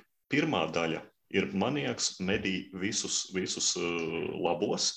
Ja viņam neizdodas to izdarīt, un jāatzīst, ka iespēja ir ļoti maza, jo tomēr nu, tā, tā, tā kustība nav tik ātra un tie manieka laiks nav tik ilgs, ja viņam neizdodas to izdarīt, un kaut vai viens labais ir paspējis atrast atslēgas un iebarikādēties savā būdiņā, tad sākas nākamā daļa, kur uh, maģiski tiek atsūtīti uz nometni jauni labie to vietā, kas ir nomiruši, un, un, un tie, kas ir palikuši dzīvi, visi dodas medīt manieku. Tātad tagad viņš ir tas beidzējs. Līdzīgi kā Skotlandā, es atceros to spēli, tā bija Letters from Whitechapel, ko es nevarēju atcerēties. Eh, papildus pārējiem, vai arī to es jau minēju. Grūti pateikt. To minēju. To es minēju. Varbūt domāju, Whitehall Mysteries. Jā, to es domāju, Whitehall Mysteries. Jā, jā. Nu, re, un eh, tad šajā otrajā daļā tiek medīts maniaks. Un atkal ir tas pats. Um, Šeit gan ir interesantāk, ja manieks tiek nomedīts, tad ir tie, notiek tieši tas pats sižets, kas ir filmās. Visi priecīgi manieka līķi iegāž ezerā un iet uz būdiņu cert eh, karstvīnu un, un, un priecāties, ka viņiem ir izdevies izdzīvot. Tad sākas trešais čapteris, kurā manieks atgriežas no nāves, un viņš atkal medī, bet viņš jau tad medī to, kurš viņu nogalināja. Precīzi to vienu tēlu. Uh, Un, ah. un tur atkal ir cits aspekts, ka pārējiem Bet, ir jāmēģina. Ja nenomedīja manieku tajā. Ja manieku nenomedīja, tad viņš medīja to, kurš viņam bija vistuvāk. Tad, to, kurš, à, tad trešais tad, čapters vienmēr ir. Jā. Trešais vienmēr ir čapteris, jā, mm -hmm. un tādī maniekam ir uzdevums nomedīt to vienu tēlu, uz kuru viņam ir zops. Un visiem pārējiem ir uzdevums pīties viņam pa kājām, likt lāču lamatas, lai viņš nevar tikt viņam klāt. Un tam vienam ir uzdevums drasēt pa karti apkārt. Un visbeidzot, tad ir eh, ceturtais čapteris, eh, trešais čapteris pabeidz spēli, ja manieks nogalina šo te izredzēto, tad spēle beidzas. Bet, ja tas izredzētais tomēr izdzīvo, tad sākas ceturtā un pēdējā spēles daļa, kurā izredzētais iet nogalināt manieku. Un manieku nevar nogalināt pārējie, bet viņi var manieku iedzīt stūrī. Viņš nevar vairs pārējiem paiet garām, jo ir jau diena. Un, izre, un tad viņi mēģina manieku iedzīt stūrī ierobežot kustību un sagaidīt, līdz atnāk izredzētais un beidzot un līdz galam šo manieku novāc. Nu, tā tad tā, šī ir tā tipa spēle, kuras sauc par tematika games, eh, pretēji Stroganovam, kurš ir eiro game žanrā. Kaut gan patiesībā es, es, es šādi tās tēmas nedalu. Es domāju, ka arī Stroganovā pietiekoši daudz interesantas tēmas ar balalaiku spēlēšanu ziemā un, un, un ādu tirgošanos. Jā, tā ka šeit tā ādu tirgošanās varbūt ir nedaudz brutālāka un fiziskāka, bet, bet, bet nu, jā, tādi tie, tie mehānismi, viņi ir ļoti vienkārši. Es teiktu, spēle ir ātri iemācīta un, un, un diezgan labi, labi pavadīt laiku, ja ir sakarīga kompānija. Nu, kāds ir tas gala viedoklis? Mm. Vai šī ir labākā no šī žanra spēlēm? Uh, grūti pateikt. Iespējams, ka ir. Iespējams, ka visas tās četras daļas ir nedaudz par garu, tomēr summā. Uh, no otras puses, uh, ja tu spēlē, nu, parasti jā, tie Nexus opveidīgie un tādi parasti beidzas ātrāk. Es neesmu spēlējis Fury of Dracula, bet tur jāatzīst, ka, cik es esmu dzirdējis, tur partijas aizejot pat pie 4-5 stundām, tā ka tas ir krietni ilgāk par Last Friday. Un Last Fridays pastāv tirgū tieši ar šo te mainīšanos nepārtraukto. Tas ir tas kino, kino filmas efekts, ka Sākumā manieks medī visus, pēc tam visi saņemas un dabū atrod motorzāģus, iet medīt manieku, manieks bēg, un pēc tam viņš atkal nāk atpakaļ eh, no, no, no, no, no beigtajiem un, un, un mēģina kādu, kādu vienu atrast. Tas, tas ir tas interesantākais šajā spēlē. Mehāniski viss strādā, nav nekā spēlējis sarežģīta, un es noteikti redzu sevi spēlējam Last Friday labā sabiedrībā atkal. Un, un, un, jā, nu, es teiktu, tāds diezgan, ja man būtu jādod vērtējums, tas diezgan stabils, labs septītnieks tas arī ir. Un es labprāt paspēlētu, protams, ne tikai kā manieks, kā līdz šim, bet arī, arī kā beidzējs, jo, jo tur arī ir interesanti šī tipiskā ka it kā mums vajag sarunāties par to, ko mēs darīsim, bet manieks sēž galda galā un klausās patiesībā. Tāpēc ir jāatrod tas līdzsvars, kaut kā bez mazliet saskatoties. Un, es varbūt tieši uz to kartes daļu tu tur nē, vai tu viņu pavilini nost. Ir, ir, ir, ir gana interesanti, un humors iekšā arī ir diezgan labs vietām. Es biju klāt, ka Toms šo spēli spēlēja. Un Man ļoti patīk, ka viņš rekrutēja cilvēkus absolūti kā man, pilnīgi tā kā manieks, 10.30 vakarā. Šo saku, nu, uzspēlēm, te var arī ātrāk beigties viss pasākums. Un beidz, man liekas, es, es kaut kad pēc tam jau biju izspēlējis pāris reizes kodinājums un aizgājis gulēt un satika vienu uh, slepkaunieku pēc tam labi, labiem rīcībām ap uh, diviem trīdes, kas viņi tikko ir beiguši. Bet tas, man liekas, ir diezgan ok. Tā summa ar noteikumu te... iemācīšanu mums bija laikam trīs, nu, plus mīnus, mhm. -huh. varbūt zem trim stundām. Bet jārēķina, ka mēs izgājām visu spēli. Varēja beigties agrāk, un starp citu mums bija tie kino, kino tipa momenti, jo es reāli Jā. kā manieks tajā trešajā čapterī biju noķēris to savu izredzēto. Viņš man stāvēja viena soļa attālumā, un tad pa vidu ieleca uh, cits, cits tēls un, un uzlika laternu, lai man ierauga, un tad izredzētais apgriezās un aizbēga no manis. Tā ka bija arī tādi momenti. Mm. Nu, es es šiem slepeno lomu un slepeno kustību spēlēm skatos apmēram šādi. Ja tu gribi tikai to mehāniku izbaudīt, tad ir skaidrs, ka tu spēlē Whitehall Mysteries vai pat uh, varbūt pat Spectre Ops neesmu spēlējis. Kaut ko īsāku. Uh, Mm -hmm. Tas būs skaidrs, izbaudīs to mehāniku, tev viņa patīk, patīk, nepatīk, nepatīk.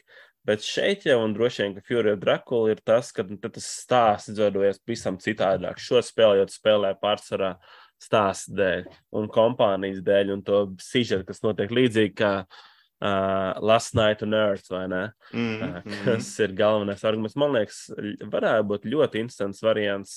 Vienīgais, kas man tā ir bažas iekšēji šobrīd rada, tas, ka uh, pēc tam, kad runājām naktas dienā cilvēkiem, kas spēlēja, arī teica, ka tas visforšākais bija cet- trešais chapters. Kad viens Jā, ir tas uh, varenais un tā tālāk, un viss tā saka, kas man liekas superīgi. Uh, un viņš tādā klimaksa brīdī, bet tas varētu uz- uzdzīt tādu mazliet, mazliet negribēšanu spēlēt, ka bācis. Trešais chapters ir amazing, Ir viena lieta, bet līdz tam ir jāizspēlē pirms tam. Un labi, ka tu Kristap šo norādīji. Šai spēlē katram no čapteriem, katrai no daļām ir atsevišķi noteikumi, kā var spēlēt tikai viņu. Okay. ir iespēja izraut jebkuru no daļām, kas tev patīk, un izspēlēt īsu atsevišķu partiju ar tās daļas pielāgotiem noteikumiem. Nav obligāti Jā. jāizspēlē visi četri. Tā Un kā varbūt arī tāda pirmās reizes pieredzes cilvēkiem. jā, jā, bet uh, kopumā man liekas, interesanti. Gan prezentācija izskatās forši. To, to nepastāstīja. tur tād- Tur viss ir tumšs, un tur tāds mājiņas, kurām gaismas spīd. Tad tas gaismas liek papildus, iededzina mājās gaismu. un Spēlē ar to tumšu, tumšs un gaismas aspekts. Man liekas, ļoti, ļoti interesanti. Tā kā izklausās pēc laba varianta karstām vasaras naktīm. Mm. Galvenais neiet pie ezera mežā spēlēt, kur jūs nezināt, kas kokos darās apkārt. Tad, tad, tad var būt diezgan aizdomīgi. Tas, kas nav aizdomīgs un pavisam nav aizdomīgs un visiem ir izcili zināms un, un, un visā pasaulē populārs, tas ir kreisais top 5. O, jā. Šodien mums kreisais top 5 saucas tā, ko taupa gameris, to paņem izdevējs. Un, un, un uh, pie taupītāja gameri, nu, švaki mēs esam taupītāji, godīgi sakot. Mm -hmm. un un izdevēji, izdevējs nav gluži ražotājs, bet arī no viņa paņem savu daļu mums šīs dienas tēmu par ražotājiem. Un eh, šis ir mūsu top 5 izdevēju tops. Un vai tev, Kristap, bija grūti izveidot šo topu? Jā, jā, jā, droši vien visiem, kas veido šo topu, ir lielākā problēma saprast, kurš ko ir izdarījis, kuram kuras spēles izdošanas Mm. godu iedot. Jo paskatoties, piemēram, uz Stronghold, kas nenormāli daudz spēles pārpublicē, tad Es jautājums, taisni vai taisījos vispār teikt, ka man. Strongholds man pretendētu uz topu mierīgi, bet lielākā daļa viņu spēļu nav viņu Flamrūšs, nav viņu Village, nav viņu Gunshot Clevers, nav viņu Terraforming Mars, nav viņu iniciāli. Tā kā, nu jā, mm. Mm. un, un problēma ir tā, ka vienu un to pašu spēli jau var izdot dažādi izdevēji Eiropā, dažādi ASV, dažādi vēl citur. Ja? Piemēram, Great Western Trails populārais, viņu publicē vismaz 18 dažādi. Tā kā Jā, Tu, labi, tu zini kaut kādas tiesības, bet bieži vien šīs tiesības pat pāriet legāli. Un, un man, man personīgi gribētos, kā gamerim, lai izdevēju lapās, viņu lapās, ir strikti nodalīts mūsu oriģināla spēles un lokalizācijas vai pārizdevumi. Ir kas to dara, ir kas apraksta savu spēļu universus, piemēram, Lucky Duck, man liekas, eh, par Destiny, mm. -hmm. par Chronicles of Crime viņi apraksta, bet viņi laikam nav, ne, viņi neko ne citu nepārizdod. Bet, bet ir kas grēko, ka vienā katlā viņi ir gan savas, gan svešas spēles, un, un tas ir grūti. Un arī Boardgame Geeks, kas ir kā rādītājs, nu, es teiktu, ja tur pie spēles būtu metadatos augšdaļā atsevišķs lauks, oriģinālais izdevējs, es par to tikai priecātos. Jā, Bieži tā ir maza vai nezināma kompānija. Piemēram, Terra Mystikas gadījumā pirmo reizi viņi izdeva kaut kāda maza grieķu kompānija, un tikai pēc tam viņu pārpirka un izlaida. Japāņu spēļu gadījumā vispār tā ir, ka bieži vien uzrodas mm, kaut kādi Japāņu publisheri Tokyo Game Marketā parāda spēli, viņu nopērk AEG, piemēram, un, un tad ar to gūst slavu. Tā kā, jā, nu, patīkama nodeva sākotnējiem idejas autoriem būtu, ja BGG būtu oriģinālais izdevējs. Tas, tas man patīk. jā, Bet absolūti piekrītu. man bija ne tikai tāpēc grūti. Man bija grūti tieši tāpat kā ar uh, dizaineriem, jo, jo mm, pētot savu plauktu, ja, man, man, es, es, es rosolu un augsto zupu salieku vienā lielā bļodā, un tā man, man nav tā preference redzama. Man tiešām ir, manā, man, manā kolekcijā ir labas spēles. Nevis, nevis pārstāvēt izdevēju. Un, un man tiešām ir bieži vien tiešām labas foršas spēles, un no, no viena izdevēja man ir viena spēle vai divas. Bet, bet lai izspiestu vairāk, nebija nemaz tik vienkārši. Jā, kā varbūt Jā. tev ir kaut kas pieminams vai vēl pastāstāms? Nu, man jāpastāst arī tā, ka es skatījos to topu bez mazvai tādā ziņā, cik es esmu aizrauts par to, ka, ka izdevējiem ir jauna spēle izdota mm -hmm. arī. Tas jo man ir līdzīgi kā Tomam, ka ir vesela jūras spēļu, kas uh, ir jā, daz, daži dažādi izdevēji. Es teiktu, ka uh, es neskaitīju, man liekas, ka plauktos varētu saskaitīt 50 izdevējus mierīgi. Mierīgi. Mierīgi, mierīgi, mierīgi. Un tas, tas, ko es skatījos, bet man arī viens piemineklis, Mm -hmm. ko es neiekļāvu, bet ko man liekas, varētu iekļaut, un to es labprāt tagad arī pateiktu. Un tas Iekļauj. ir iekļaušu, un tas ir, uh, man liekas, Franči, Lībeluts, Mm -hmm. kas ir uh, tāds izdevums, tāds spēles kā Diceforge, mm, kā Seasons, kā, kā, kā Dixitu. Un mistērija ir atved uz Eiropu vispārējo un Ukrainas, vai ne? Un Tur vēl pa vidu iespējams, ka bija portāls, bet, nu jā, nu, tur ir Ne, nav nejausmas. Man liekas, par portālām varbūt tā vecā versija. tā da mostu. vai Jā, jā, jā. Jā, jā, jā. Un tas man liekas pieminēšanas vērts, kāpēc viņas neiekļāva. Tāpēc, ka viņi ir, manuprāt, kā izdevēji mazliet uzsēdušies uz to uh, veiksmīgo ātrā produktu līnijas, kas bieži vien non- nonāk. Viņi ir uzsēdušies uz, ka vienkāršāk ir izdot vēl vienu diksitu Mhm. vai diksita paplašinājumu, neko izdot kaut ko interesantu. Redzēs, jaunu. ko tu Līdz runās, kad viņi- viņi paņems špīlu šogad. jā, viņiem, Nu man liekas, ka jā. viņi bija Living Forests bija viņējais, vai ne, kurš pretendēja uz Jā, Living Forest ir foršs, un viņi paņem Kenneri špīles, laikam, ne, vai uz špīlu, uz ko viņš pretendēja. Kenner, Kenner. Kenneri, jā, Kenner. jā, jā. Tā kā, nu, redzēs, bet arī Living Forests izskatās tāpat kā Seasons vizuāli, nu, vai vismaz diezgan līdzīgs. un tā. Mm, ir foršs, liberāls ir foršs. Man ir pieminēšanā uh, senie franču ienaidnieki, es pieminēšu pāris vāciešus. Uh, O. Viena, ko es gribu pieminēt, ir uh, Lookout Games, uh, kuri viņi būtu man topā iekšā. Bet tur ir tāds joks, ka bija Mayfairs pirms tam, un Lookout Game piederēja Mayfairam, un Mayfairs vairs nav biznesā, un Lookout Games pēc tam nopirka Asmodē. Vārdu sakot, tur ir tāds neliels ķīselis, kuras spēles vēl būtu jāpieraksta bijušajam Mayfairam, lai arī viņas tagad ir zem Lookout Games zīmes. Un tās viņu spēles ir Caverna, Isle of Sky, Hallertau, Bērenpark, Newsfjord, Lamaland. Nu, vārdu sakot, daudzi Rozenbergi, daudzi Fili Vokeri, Hardingi un dažādos veidos. Tiešām labas spēles, bet es viņu labāk lieku pie pieminekļiem, ka, ka, jo, jo tur daudzi no tiem, tāpat kā Vērna un Agrikola, agrāk tas bija Mayfairs, tur ar Lookout nebija īsti sakara. bet Tagad viņi ir sakombinējušies. Un otrs vācietis, ko es gribu pieminēt, ir divainā kārtā. Tas ir kosmos. Es, es neesmu par kosmosa spēlēm nekad bijis sajūsmā, bet viņiem ir exita sērija. Viņiem ir visa exita sērija, par to vien viņus var cienīt. Un eh, viņiem ir krūze, kas, protams, arī ir liels hīts šobrīd un tiešām interesants. So vakar izkapāja desmit partijas krūvā atkal atsāku. Eh, Targi. Un eh, šī divu spēlētāju sērija ar daudzajām interesantām spēlēm, kur piemēram Lost Cities, protams, un tā tālāk. Un kosmos ir pirmie katana izdevēji. Tā, ka, nu, es uzskatu, ka viņi ir respektējami, lai viņus pieminētu, bet nu, topam, līdz topam viņi nedavalk. Tā kā tā. Ka tā.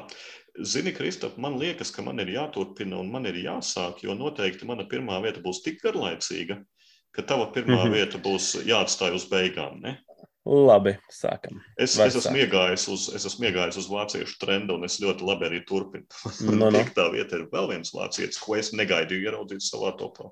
Ja man kāds teiktu, ka tas būs manā topā, es teiktu, ej, ej ārā, tur ir durvis, nemuļķojies un nestāst man tādu bullshit. Eh, Mana piektā vieta ir Queen Games. Un kāpēc? Mm, wow, wow, wow, Jā, wow, jā, wow. jā. Es, es tieši Viņus tāpat neapskatījos. Es tieši tāpat jutos. jā. E, Joks ir tāds, ka neviena no viņu spēlēm nav mani aizrāvusi tā riktīgi, bet viņiem ir tas superīgais, e, nevis vidus līmenis, bet above, above average, tāds septītnieku, astotnieku līmenis.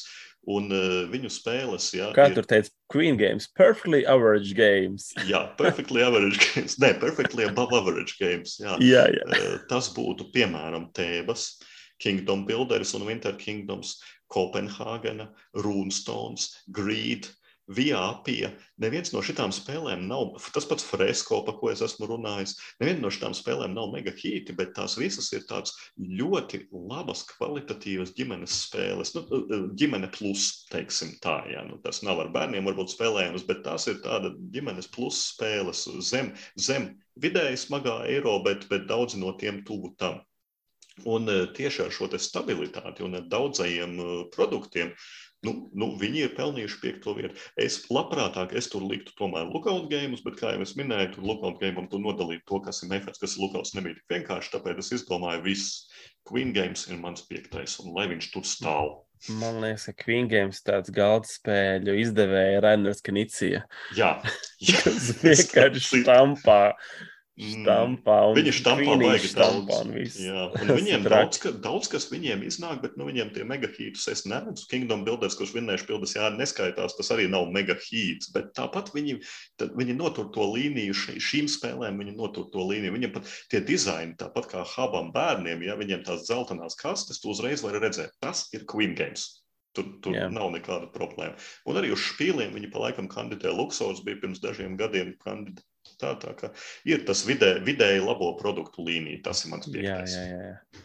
Es ja tikai iedomājos, ja Games rebrandingotos kaut ko jaunu un stilīgu, tieši izskatziņā, mehāniski jau tur viss ļoti zolīgi, tur pietrūkstās uh, rozīnītes un elementi. Bet, nu, forši spēles noteikti labs. Mm -hmm.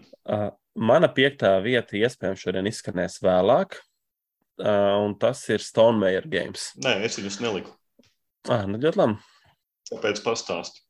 Jā, un manuprāt, gan par izdevēju attieksmes dēļ vien ir vērts skatīties un ielikt šo vietu un sekot līdz politiskiem trendiem un tā tālāk. Gan arī tās katras spēle ir citādāk, ļoti noslīpēta un pārdomāta. Tas ir tas pats Wingspans un arī Saits. Nu, viņas ir, ir unikāls, ļoti veiksmīgs, daudz sasniegušas pārdomātas spēles. Un, uh, pie tā arī nu, tur redz, ka tur ir itī piestrādāts, un tas ir uh, super successful. Tas, kas mums vienīgais mīnus ir, ka uh, nu, salīdzinoši Stonemajeram ir jāskatās, ka ļoti bieži spēles pirmie, pirmie izlaidumos ir kaut kādi dizainiski brāķi. Mm -hmm. Tādā ziņā, ka tur ir kļūdas, un pēc tam otrā izlaidumā tas tiek labots un tā tālāk. Bieži vien par viņu paplašinājumam piemet informāciju vēl jā, kaut ko. Jā, jā. Kā... Es neesmu par to sajūsmā, un tā var būt problēma spēlētājiem, kas nesako tik ļoti līdzi tai video. Un es saprotu, tas ir pēc agile principa arī strādājot un dabūnot ātrāk to tas ir arī strādājošo produktu. Datorspēļu biznesam līdzīgi. Datorspēlēm jau arī tāpat ir, ka nāk pači. Jā, bet datorspēlēm paču tu iedod reiz visiem. Nevis iedod kaut kādas lapiņas, tev jāizprintē. Kā, nu, to ir ļoti uh, tapestrijā, to man liekas ļoti labi var izjust. Bet arī pašiem uh, saitam, ja nemaldos, kādas frakcijas, ko nevajag likt kopā. Nu, divas kombinācijas, tie ir sīkumi, protams. Jā, jā. Un, un, un, un, cik saprotu, arī Euforijā tur tuneļi kaut kādā pārtaisīt vēlākā versijā, un tas, jā, jā. tas man šķiet problemātiski, bet tas arī ir vienīgā tādā dzeltenā kartīte izdevējam. Citādāk viss ir lieliski pārdomāt un arī uh, spēles ir foršas. Nu, jā, jā, jā. Ir, viņi ir fini. Viņi ir fini. Mm. Uh, man ceturtajā vietā ir arī, protams, nu, mans tops vispār ne, nevarētu būt pārsteigums, kas kaut cik mani klausās, izņemot varbūt otro vietu, jo, jo, jo tur par maz esmu runājis, bet, bet, bet, bet ceturtajā man ir check games. Uh, Un checkgājumiem eh, ir tiešām daudz labu produktu, un mēs jau esam runājuši par lieliskām cenām. Un, protams, tas ir Solkins. Man ļoti patīk Alchemists, eh, arī Under Falling Skies. Gan Kristofam ir liels favorīts, gan arī es viņu spēlēju. Tas pats Galaxy, Trackers, Last Will, Adrenalina, Kristīnas briesmīgi ienīstais adrenalina, kurš man tīri labi patīk. Viņiem arī viņiem, viņiem ir produkti, jā, nu salīdzinām ar Queen Gamiem, viņiem ir produkti, kuri daudz, daudz vairāk iepērk. Piemēram, tāds Tolkien vai Alchemists, viņiem katru reizi, pirmo reizi viņus spēlējot, liekas, wow! Un pat ne tikai pirmo reizi, arī pēc lielāka pārtraukuma izvēlkot, tev liekas, oh, tur kaut kas ir. Nu, tā, tā, tā ir mm -hmm. rīktīgi. Viņi paņem ar kaut ko interesantu. Colkinam tie bija šie griezošie sāpņu alķīmiķos. Viena no pašām pirmajām spēlēm, kas izmantoja telefona aplikāciju, Under Falling Skies ar to solo spēles ideju, Last Wills ar tēmu. Adrenalīna arī principā ar to tēmu par šo šūteri, first person shooter. Katrai, katrai no viņu zināmākajām spēlēm, nu es pat neesmu minējis True Ages, kas ir arī viena no mega, mega spēlēm. Viņa nav starp maniem favorītiem checkgamiem, bet tāpat tāpat nu, viņiem boardgame geeks parāda, kur, kur ir True Ages. Tā kā čekiem viņiem tās spēles ir ar raksturu, un, un e, viņiem man patīk arī tas, ka gandrīz katru gadu kaut kas parādās atkal tāds, kam var pievērst uzmanību. Jā, viennozīmīgi čekgājums ir lieliski. Man ceturtā vieta ir um, uh, laikam geogrāfiski tālāk atrodošā kompānija. Vai to var minēt, uzminēt, kas tāds ir? Garfils. Tas ir Garfils. No Jaunzēlandes. Jā, no Jaunzēlandes. Un izrādās, Garfilam spēlēs uh, visus svarīgākos, izņemot to, kas pieder Tomam Raiders of City. Mm -hmm. uh, un nu, to var uzskatīt patīk... par tādu brālēnu, tad, tu, ja tu esi spēlējis jā, jā, jā, jā. jā. Un man ļoti patīk tas uh, approach, kā viņš iet, un šeit var redzēt, ka tās spēles ir Pirmkārt, ja pirmā lieta, kas man patīk, tas, ka viņi ir sapakojuši viņus kompakti. Pat daudz, pat daudz man ir dusma. Varbūt, nu, varbūt, bet. Uh... Nu, Bišķi lielākas tās kastītes, nu, bišķi, nu, nopietni. nu, tā kā manā kolekcijā tikai Heidrians Vol, tas nav problēma. Viņi paliek. Tev jau terējas nos tās lapas, jā, jā. Jā, jā lapiņas terējas nos, bet man patīk, ka tā tās triloģijas, ir tas koncepts kopējais, un viņas ļoti atšķirīgas. Es izspēlēju visu to West Kingdom triloģija un tās spēles, uh, kā viņas atšķirās viena no otras pamatīgi, bet viņi ir labi, solīdi eiro. Šobrīd tā sajūta, tu gribi labu, domājamu eiro ar interesantām mehānikām, interesantām interakcijām, tad Garfield Games ir vieta, kur skatīties pēc tā.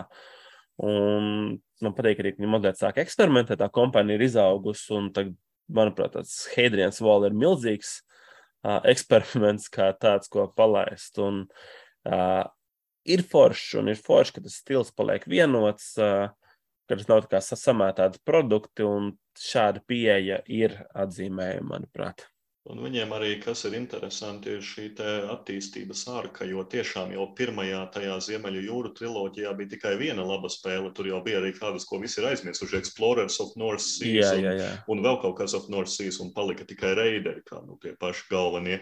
Un otrā triloģija jau bija daudz jaudīgāka, un, un, un tagad, kad nāks trešā triloģija, kad ja kāds nezina, var sekot līdzi. Bija jau pirmais Kickstarter. Pirmais Kickstarters jau bija tā, ka, nu, redzēsim, vienmēr, vienmēr interesanti pasakot Garfielam. Mm, tas būtu zeltainā krāsā. Jā, jā. Nu, man, man, man, ar, man ar top trīnieku ir tā, ka vi, visi vienmēr smejas, īpaši sievas, ka, ka es esmu tās kompānijas uh, lobētājs visur. Es neesmu lobētājs, bet, zin kā, es saliku uz papīru un, un viņiem ir sasodīti daudz labu spēļu, un tas ir games. Ne tikai ha. tāpēc, ka es tur man patīk sekot Ignācijam vai vēl, bet, bet, bet, bet nu, papīrs nemelo man acu priekšā, ir viņu spēles. Pirmkārt, tas ir, protams, visu zināmais Robinsons Krūzo. Otrakārt, tas ir detektīvs. Treškārt, tas ir man ļoti tūs un, un, un simpātisks Neurošima Heks. Tad tas ir New Era vai 51st State, sauciet kā gribat. No mazāk zināmiem pretaportē, Legacy, Testament of Duke Degresī, jau daudz aizmirsts Kraihavoks, tad Strongholds un no mazajām spēlēm divu spēlētāju Tides of Time, un tad arī no divu spēlētāju lielākām spēlēm Theseus The Dark Orbit, un, un, un es šeit pat nesaucu, es neesmu spēlējis Imperial Settlers, bet, nu, ok, to es iekļauju pie 51st State New Eras visas grupas. E, Imperi tad ir, bet toties vēl e, North Seas Imperial Settlers, viņiem, ir, viņiem tas portfolio ir riktīgi izaudzis, un um, Lai arī man nepatīk virziens, kurā portālgājums šobrīd iet ar eh, IP intelektuālās piedarības spēlēm, ja man pilnīgi neinteresē uh, detektīvs pārtaisīts Džūnā vai detektīvs pārtaisīts Batmanā. Man, man, man yeah. reāli neinteresē to spēlēt. Ja es gribu detektīvu, man, man patīk, ka viņi detektīvam ir izlaiduši papildus dažādus scenārijus. Viņi sadarbojas ar jomas dizaineriem, lai tie uztaisa maziņus, lētus paplašinājumus eh, detektīvu, uz detektīvu bāzes. Viņi ļoti daudz ko dara pareizi. Un tieši tas, ko Kristaps minēja 5. par Stonemeyer Games, tad arī izdevēja komunikācija. Viņi taisa video par spēlēm, viņi stāsta visādi blogi, vlogi. Tas, tas arī kaut ko dod, jo tevi tas ievelk. Es atceros par to pašu Tales The Dark Orbit. Es sēdēju kā uz adatām, lasot, kā Ignācijas blogā apraksta, cik šī spēle būs super tematiska un kā tur alieni citplanētieši rāpos pa ventilācijas šaktām un vēl kaut ko.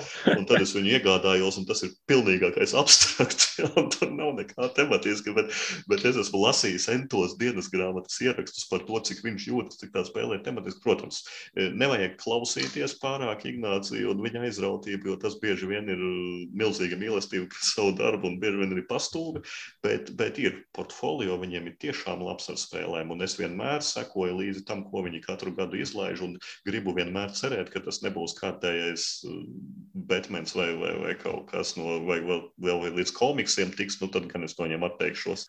Jā, man patīk portāls arī, bet es viņus neieliku topā, jo es nevaru tos noteikumus. Tas Tie noteikumi portālam ir vienkārši. Nu jau paliek labāk, nu jau paliek labāk. Pēdējos gados. Viņiem rakstā ar pakalpojumu. Viņiem rakstā ar pakalpojumu, nu jau, nu jau ir ok. tas ir bijis mūžīgi, mūžos galvas sāpes, bet uh, viennozīmīgi forša kompānija. Ok, mans uh, trīnieks ir kompānija. Šodien Egils stāstīja arī par servisu, un tā ir kompānija, kuriem, man liekas, manā pieredzē, vismaz Kickstarteros, un uh, tā spēļu pakotnē ir labākais servis, kas ir bijis, un tas ir Rockslīs. Mm. Rockslīs, ja nemaldos, Briti. Rockslīs ir pārizdevoši Brasu, viņi, pār, viņi ir izdevuši arī Santorīni, Redlands, ko mēs neesam spēlējuši. Tad ir uh, King, uh, King of Tokyo variants Dice Thrones vai ne? Un Steampunk Rallies Fusion, tās zināmākās spēles. Ir vēl kaut kas, bet Rockstars ir kompānija, kas, uh, bija daudz jau, kad daudz Kickstarters paņēmis, bet uh, es paņēmu Steampunk Rallies Fusion un Rockstars to izdarīja tik punktuāli, pasaka, ok, Jā. mums ir updates, nākuši sadarbības tajā datumā, mēs stāstam par šo un šo un šo un šo. Un viss, nekādas taisnošanās, nekāds bullshits, viss konkrēti, korekti iztaisīts, izstāstīts. Tas bija absolūti lieliski pieredze. Vienkārši burvīgi, burvīgs servis. Un tā pašā laikā tas man liekas svarīgi, ir tā komp spēļu kvalitāte, kas nāk ārā. Proti, piemēram, man ir kolekcijā Brasa Birmingems, kas ir veikala versija, nevis Kickstarter versija, un viņa ir absolūts krāšņums bez nekādām papildus mega komponentiem vai kādiem milzīgiem plasmasām. Tur runā maz. par to spēli, kurai uz vāka ir peļķa. Jā, par spēli, kurai vāka peļķa. Variantā tur bija domāts dzērājs peļķē. Okay. Tas, tas tika noņemts. Tā ir vienīgā sūdzība, kāpēc es neliku viņu augstāk. Bet tās visas komponentes ir pārdomāts, ļoti, ļoti kvalitatīvs, ielikts foršā kastē ar labiem noteikumiem, labu pakojumu un ar insertu, kurš vajadzīgs. Tā kā, jā, servisa ziņā uh, Rockslīs man, man noteikti ir sev skarts, tagad skatos, kas viņā notiek. Tikko bija uh, Kickstarter, ko es paldies Dievam nepaņēmu, bet nebija tālu. Skywise, kā man viņš patika. Man, pat, tur tiešām par, par normālu cenu tu varēji dabūt tās uz salas, kuras pacēlās virs galda. Bet, nu jā, nu tas ir tas, ko Rokslīs māk. Viņi arī Steampunk Rally Fusionam māk pārdot tos zobratiņus un ar visiem video viņi uztaisa, ka tas izskatās tik stilīgi, ka tev liekas, man to vajag. Un tas pats arī ar Skywise. Man jā. tā niecēja rokas skatīties. Un, un, un tiešām tās viss tas pasniegums Kickstarterī bija perfekts. To viņi jā. māk. Absolūti, es teiktu, Rockstars ir tāda jaunās paudzes kompānija, kas nostrādājuši tos servisu un mārketingu līdz pēdējiem, tā kā trešā vieta. Viņi ir noteikti. augošais noteikti, kuri vēl, vēl, es ļoti ceru, ka viņi turpinās attīstīties tādā virzienā, kā viņi to dara. Pavisam noteikti, jo viņi dara pareizi. Tas, ko viņi dara, viņi dara pareizi. E, mana otrā lieta gan nav zināms, vai dara pareizi, un e, viņi ir augšā lejā gājuši, bet tā ir kompānija, kura ir piecu rokslija vecumu veca, ja, un, un tas ir Days of Wonder, kurš vairs neeksistē. Viņš ir zem azmodē, bet tas joprojām ir Days of Wonder, tāda publishing kompānija tas ir. Un, eh, nu, kurš nezina Days of Wonder? Jā, Days of Wonderam, protams, ka ir, ir mega spēles no vecajām Memoir 44, Small World, protams, Ticket to Ride, Shadows over Camelot, Colosseum, Cleopatra Society of Architects, Yamatai, Mystery of the Abbey, Corinth Relic Runners, pat Cargo Noir kritizētais man patīk. Five Tribes, man sapratu, patīk bišķi mazāk kā citiem, ja tā ir viņa populārākā spēle, bet, nu, man patīk Vai, tas Five Tribes populārākā? Ko tas stāsts? Viņam taču ir uh, Ticket to Ride. Nu, nē, es domāju, nevis populārākā, bet augstākā reitingā. Ah, jā. mhm. To- to- Protams, ka tikai tur raids pa pasauli, tur tu nesalīdzinās. Bet, bet reitingā, ja es nekļūdos, Five Tribes ir visaugstāk BGG eh, kā, kā gameru spēle. Un, un, un nu, kas ir pats foršākais, eh, kas man ļoti patīk, tikko ir pasludināta jauna spēle, un viņi izskatās vismaz vizuāli, viņi izskatās izcili Heat Pedal to the Metal eh, par autosacīkstēm, un eh, tas man vienmēr liek baidīties, jo autosacīkšu spēles parasti man likušas vilties diezgan izteikti. Es domāju, ka es uztaisīšu vienu labu uzmetienu kādā no epizodēm, un es parunāšu par visām viņām, jo katra no viņām nav pelnījusi pat uzmetienu bieži vien. Bet ok, jā, tā tad racinga spēle Heat Pedal to the Metal. mm, Viens man ļoti patīk vizuālais, otrs tas ir Deivs Lander, un trešais tas ir no Flamrūža autora. Un no Flamrūža autors ir parādījis, ka sacīkstu spēli var uztaisīt forši, ka tam nav jābūt lēm. Tā ka tas ir ko gaidīt no of Wonder un attiecībā uz kompānijas kļūdām. Nu, es teiktu, ka viena lieta, ka tas, ka viņi uzleca, viņi mēģināja uzlekt no savām spēlēm, kas ir small worlds un, un tāda tipa spēlēm, ielikt Five Tribe sarežģītībā, manuprāt, tā bija kļūda. Lai arī tā ir viņu, kā zināms, tagad augstākā spēle, protams, bet tā bija kļūda, jo tas nav viņu ģimenes spēļu līmenis, un pēc tam viņi turpināja Jamatai, un ar to viņiem galīgi vairs negāja. Un man liekas, ka sākot ar to viņi iekrita tādā bedrē ar kompānijas identitātes meklēšanu, es tā domāju. Jo pēc tam nāca Rivers, kurš bija atkal tik drausmīgi viegls. Laikam es neesmu spēlējis, ka viņu vispār neviens negribēja spēlēt. Un beigās viņi gadus, trīs, četrus ir pavadījuši reprintējot tikai tur raidus, iebāžot mazākā kastītē un sakot, ka tas ir rekur The Ultimate Family variants, lai tikai tur raids pats par sevi ir absolūti family spēle. Tā kā nu, viņiem ir bijuši šie zem periodi, man, kurā es pat negribu skatīties, ko Days of Wonder izlaidus, pats to sāk kārtējies tikai tur raids, ja ejiet, ejiet bekot. Bet nu, šis gads atkal liek daudz sološi domāt, tad šī heat spēle varbūt, ka pacels viņus atpakaļ. Gribētos cerēt kādos augstumos Days of Wonder. Ok, noteikti, noteikti. Kompānija pelnījusi. Uh, man otrā vieta ir kāda kompānija, ko mēs šodien jau dzirdējām. Tie ir Čehi. Mm. Čehi, Čehi, Čehi kas, uh, manuprāt, lieliski parāda, kāds spēks ir labi sakombinētai, kompaktai spēlē ar to, kas tam, kam tur ir jābūt. Es Iedomājos, pēkšņi Fantasy Flight Games, tad nāk, nāk tie Kickstarter, un cilvēki tur bildē, viņu, tas spēļu kaudzes lielāks par viņiem, un tās tālāk savāktas čegēms tā nav. Viņiem ir viss, kas vajadzīgs spēlē. Viņiem tur ir salikts iekšā, sapakots, uh, foršs, un tās spēles ir ļoti, ļoti, ļoti labas. Un mani favorīti noteikti ir Zolkins, Codenames. Arī Arnak ir gana forša.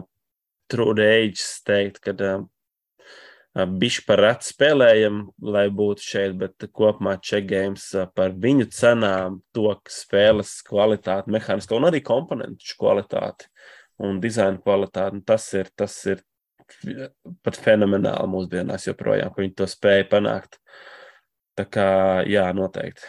Ne, tu man atgādināji, ka viņiem ir arī kodnēms. Es tagad sāku apsvērt, ka es viņus metu ārā no. Es biju aizmirsis, ka čekgēmam bija šis sansolis. Nē, bet ka viņi uztaisīja kodnēmu, un pēc tam viņi mēģināja taisīt citas vārdu spēles, kā Letterjam un vēl kaut ko, lai at, at, at, at, at, atpelnītu vēl vairāk, noslauktu tirgu. Jā, fuj, fuj, fuj. Bet nē, ok, par pārējo visu es piekrītu par kodnēm. Es nepiekrītu. bet es Kristofam piekrītu vēl kaut kur. Tas ir par Stoneman Games, un, un, un, un tas man ir pirmajā vietā. Un, protams, Protams, viena lieta ir tā, ka nu, tās spēles ir mana gaume un, un, un tiešām praktiski tās, ko es esmu iegādājies un spēlējis, ir tās no viņiem, ko es esmu ignorējis. Tās es vienkārši zinu, ka nav mans, ja, bet, bet, bet lielākā daļa ir, ir tieši manā gaumē.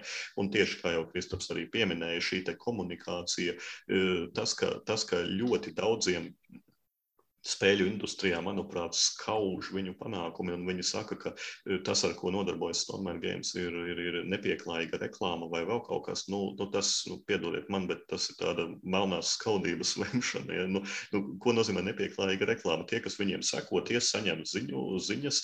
E, viņi tāpat kā visas citas kompānijas relīzēs, pasaka, kādas spēles viņi gaidīs. Jā, viņiem patīk atklāt spēļu detaļas pa bišķītim e, neredzu neko nepieklājīgu, un man tas interesē. Man patīk redzēt, kā viņi veido spēles. Man patīk redzēt, ka man uz e-pasta atnāk grafiks ar pa, pa mēnešiem, kādā stadijā ir kura spēle attīstībā, kad kurai spēlē nāks paplašinājumi. Tas viss ir tik strukturēti, tik kārtīgi, bet tajā pašā laikā iesaistoši. Un, un, un arī tas, ka viņi ziņo pilnīgi atklāti, kas viņiem nav jādara par visiem saviem peļņas datiem, par apgrozījumiem, cik tūkstoši kopijas viņi pārdod.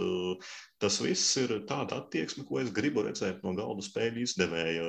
Ne obligāti, bet tas, ka viņi to dara, nu, tas ir lieliski. Un bonusā, protams, ka nāk izcils spēles. Tā kā Stoneware Games, nu, te ir diezgan ārpus konkurences manā gadījumā, pirmajā vietā.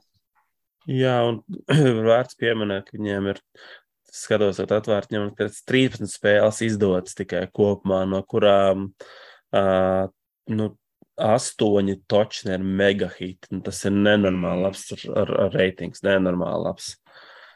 Tā kā jā, super. Diemžēl nebija pārsteigums. kompānija, jā. Te būs pārsteigums, es ceru. Man ir pārsteigums, un tā ir viens no vāciešiem. Vai tu ar to iedomāties, kurš no vāciešiem? Tas noteikti nav Queen Games. Uh, es neliktu uz DLP, jo viņi nav tik. Nu, tad, nu, vai tiešām tas būs Lukauts? Nē, nē, nē, nē. nē. Pegasus. Un es Šmitšpils. Nē, nē, nē, nē, nē, lai gan Pegasus un Šmits ir forši. Bet es Pegasus nesaprotu. Es nes, godavārdi nesaprotu, kas ir Pegasus spēles. Man liekas, neviena Nevar Pegasus. saprast, iespējams, ka neviena no ir viņiem jā, jā. partneri. Pe Pegasus ir īsta L, bet man top kompānija ir Eger. Nē, Egers špīle. Ah, jā. Un paskatoties, ko viņi ir izdevuši, nu viņi, es teiktu, ir vācu megas maksvars kvalitātē. Sāksim ar vienkāršākiem. Tas ir Kamelaps.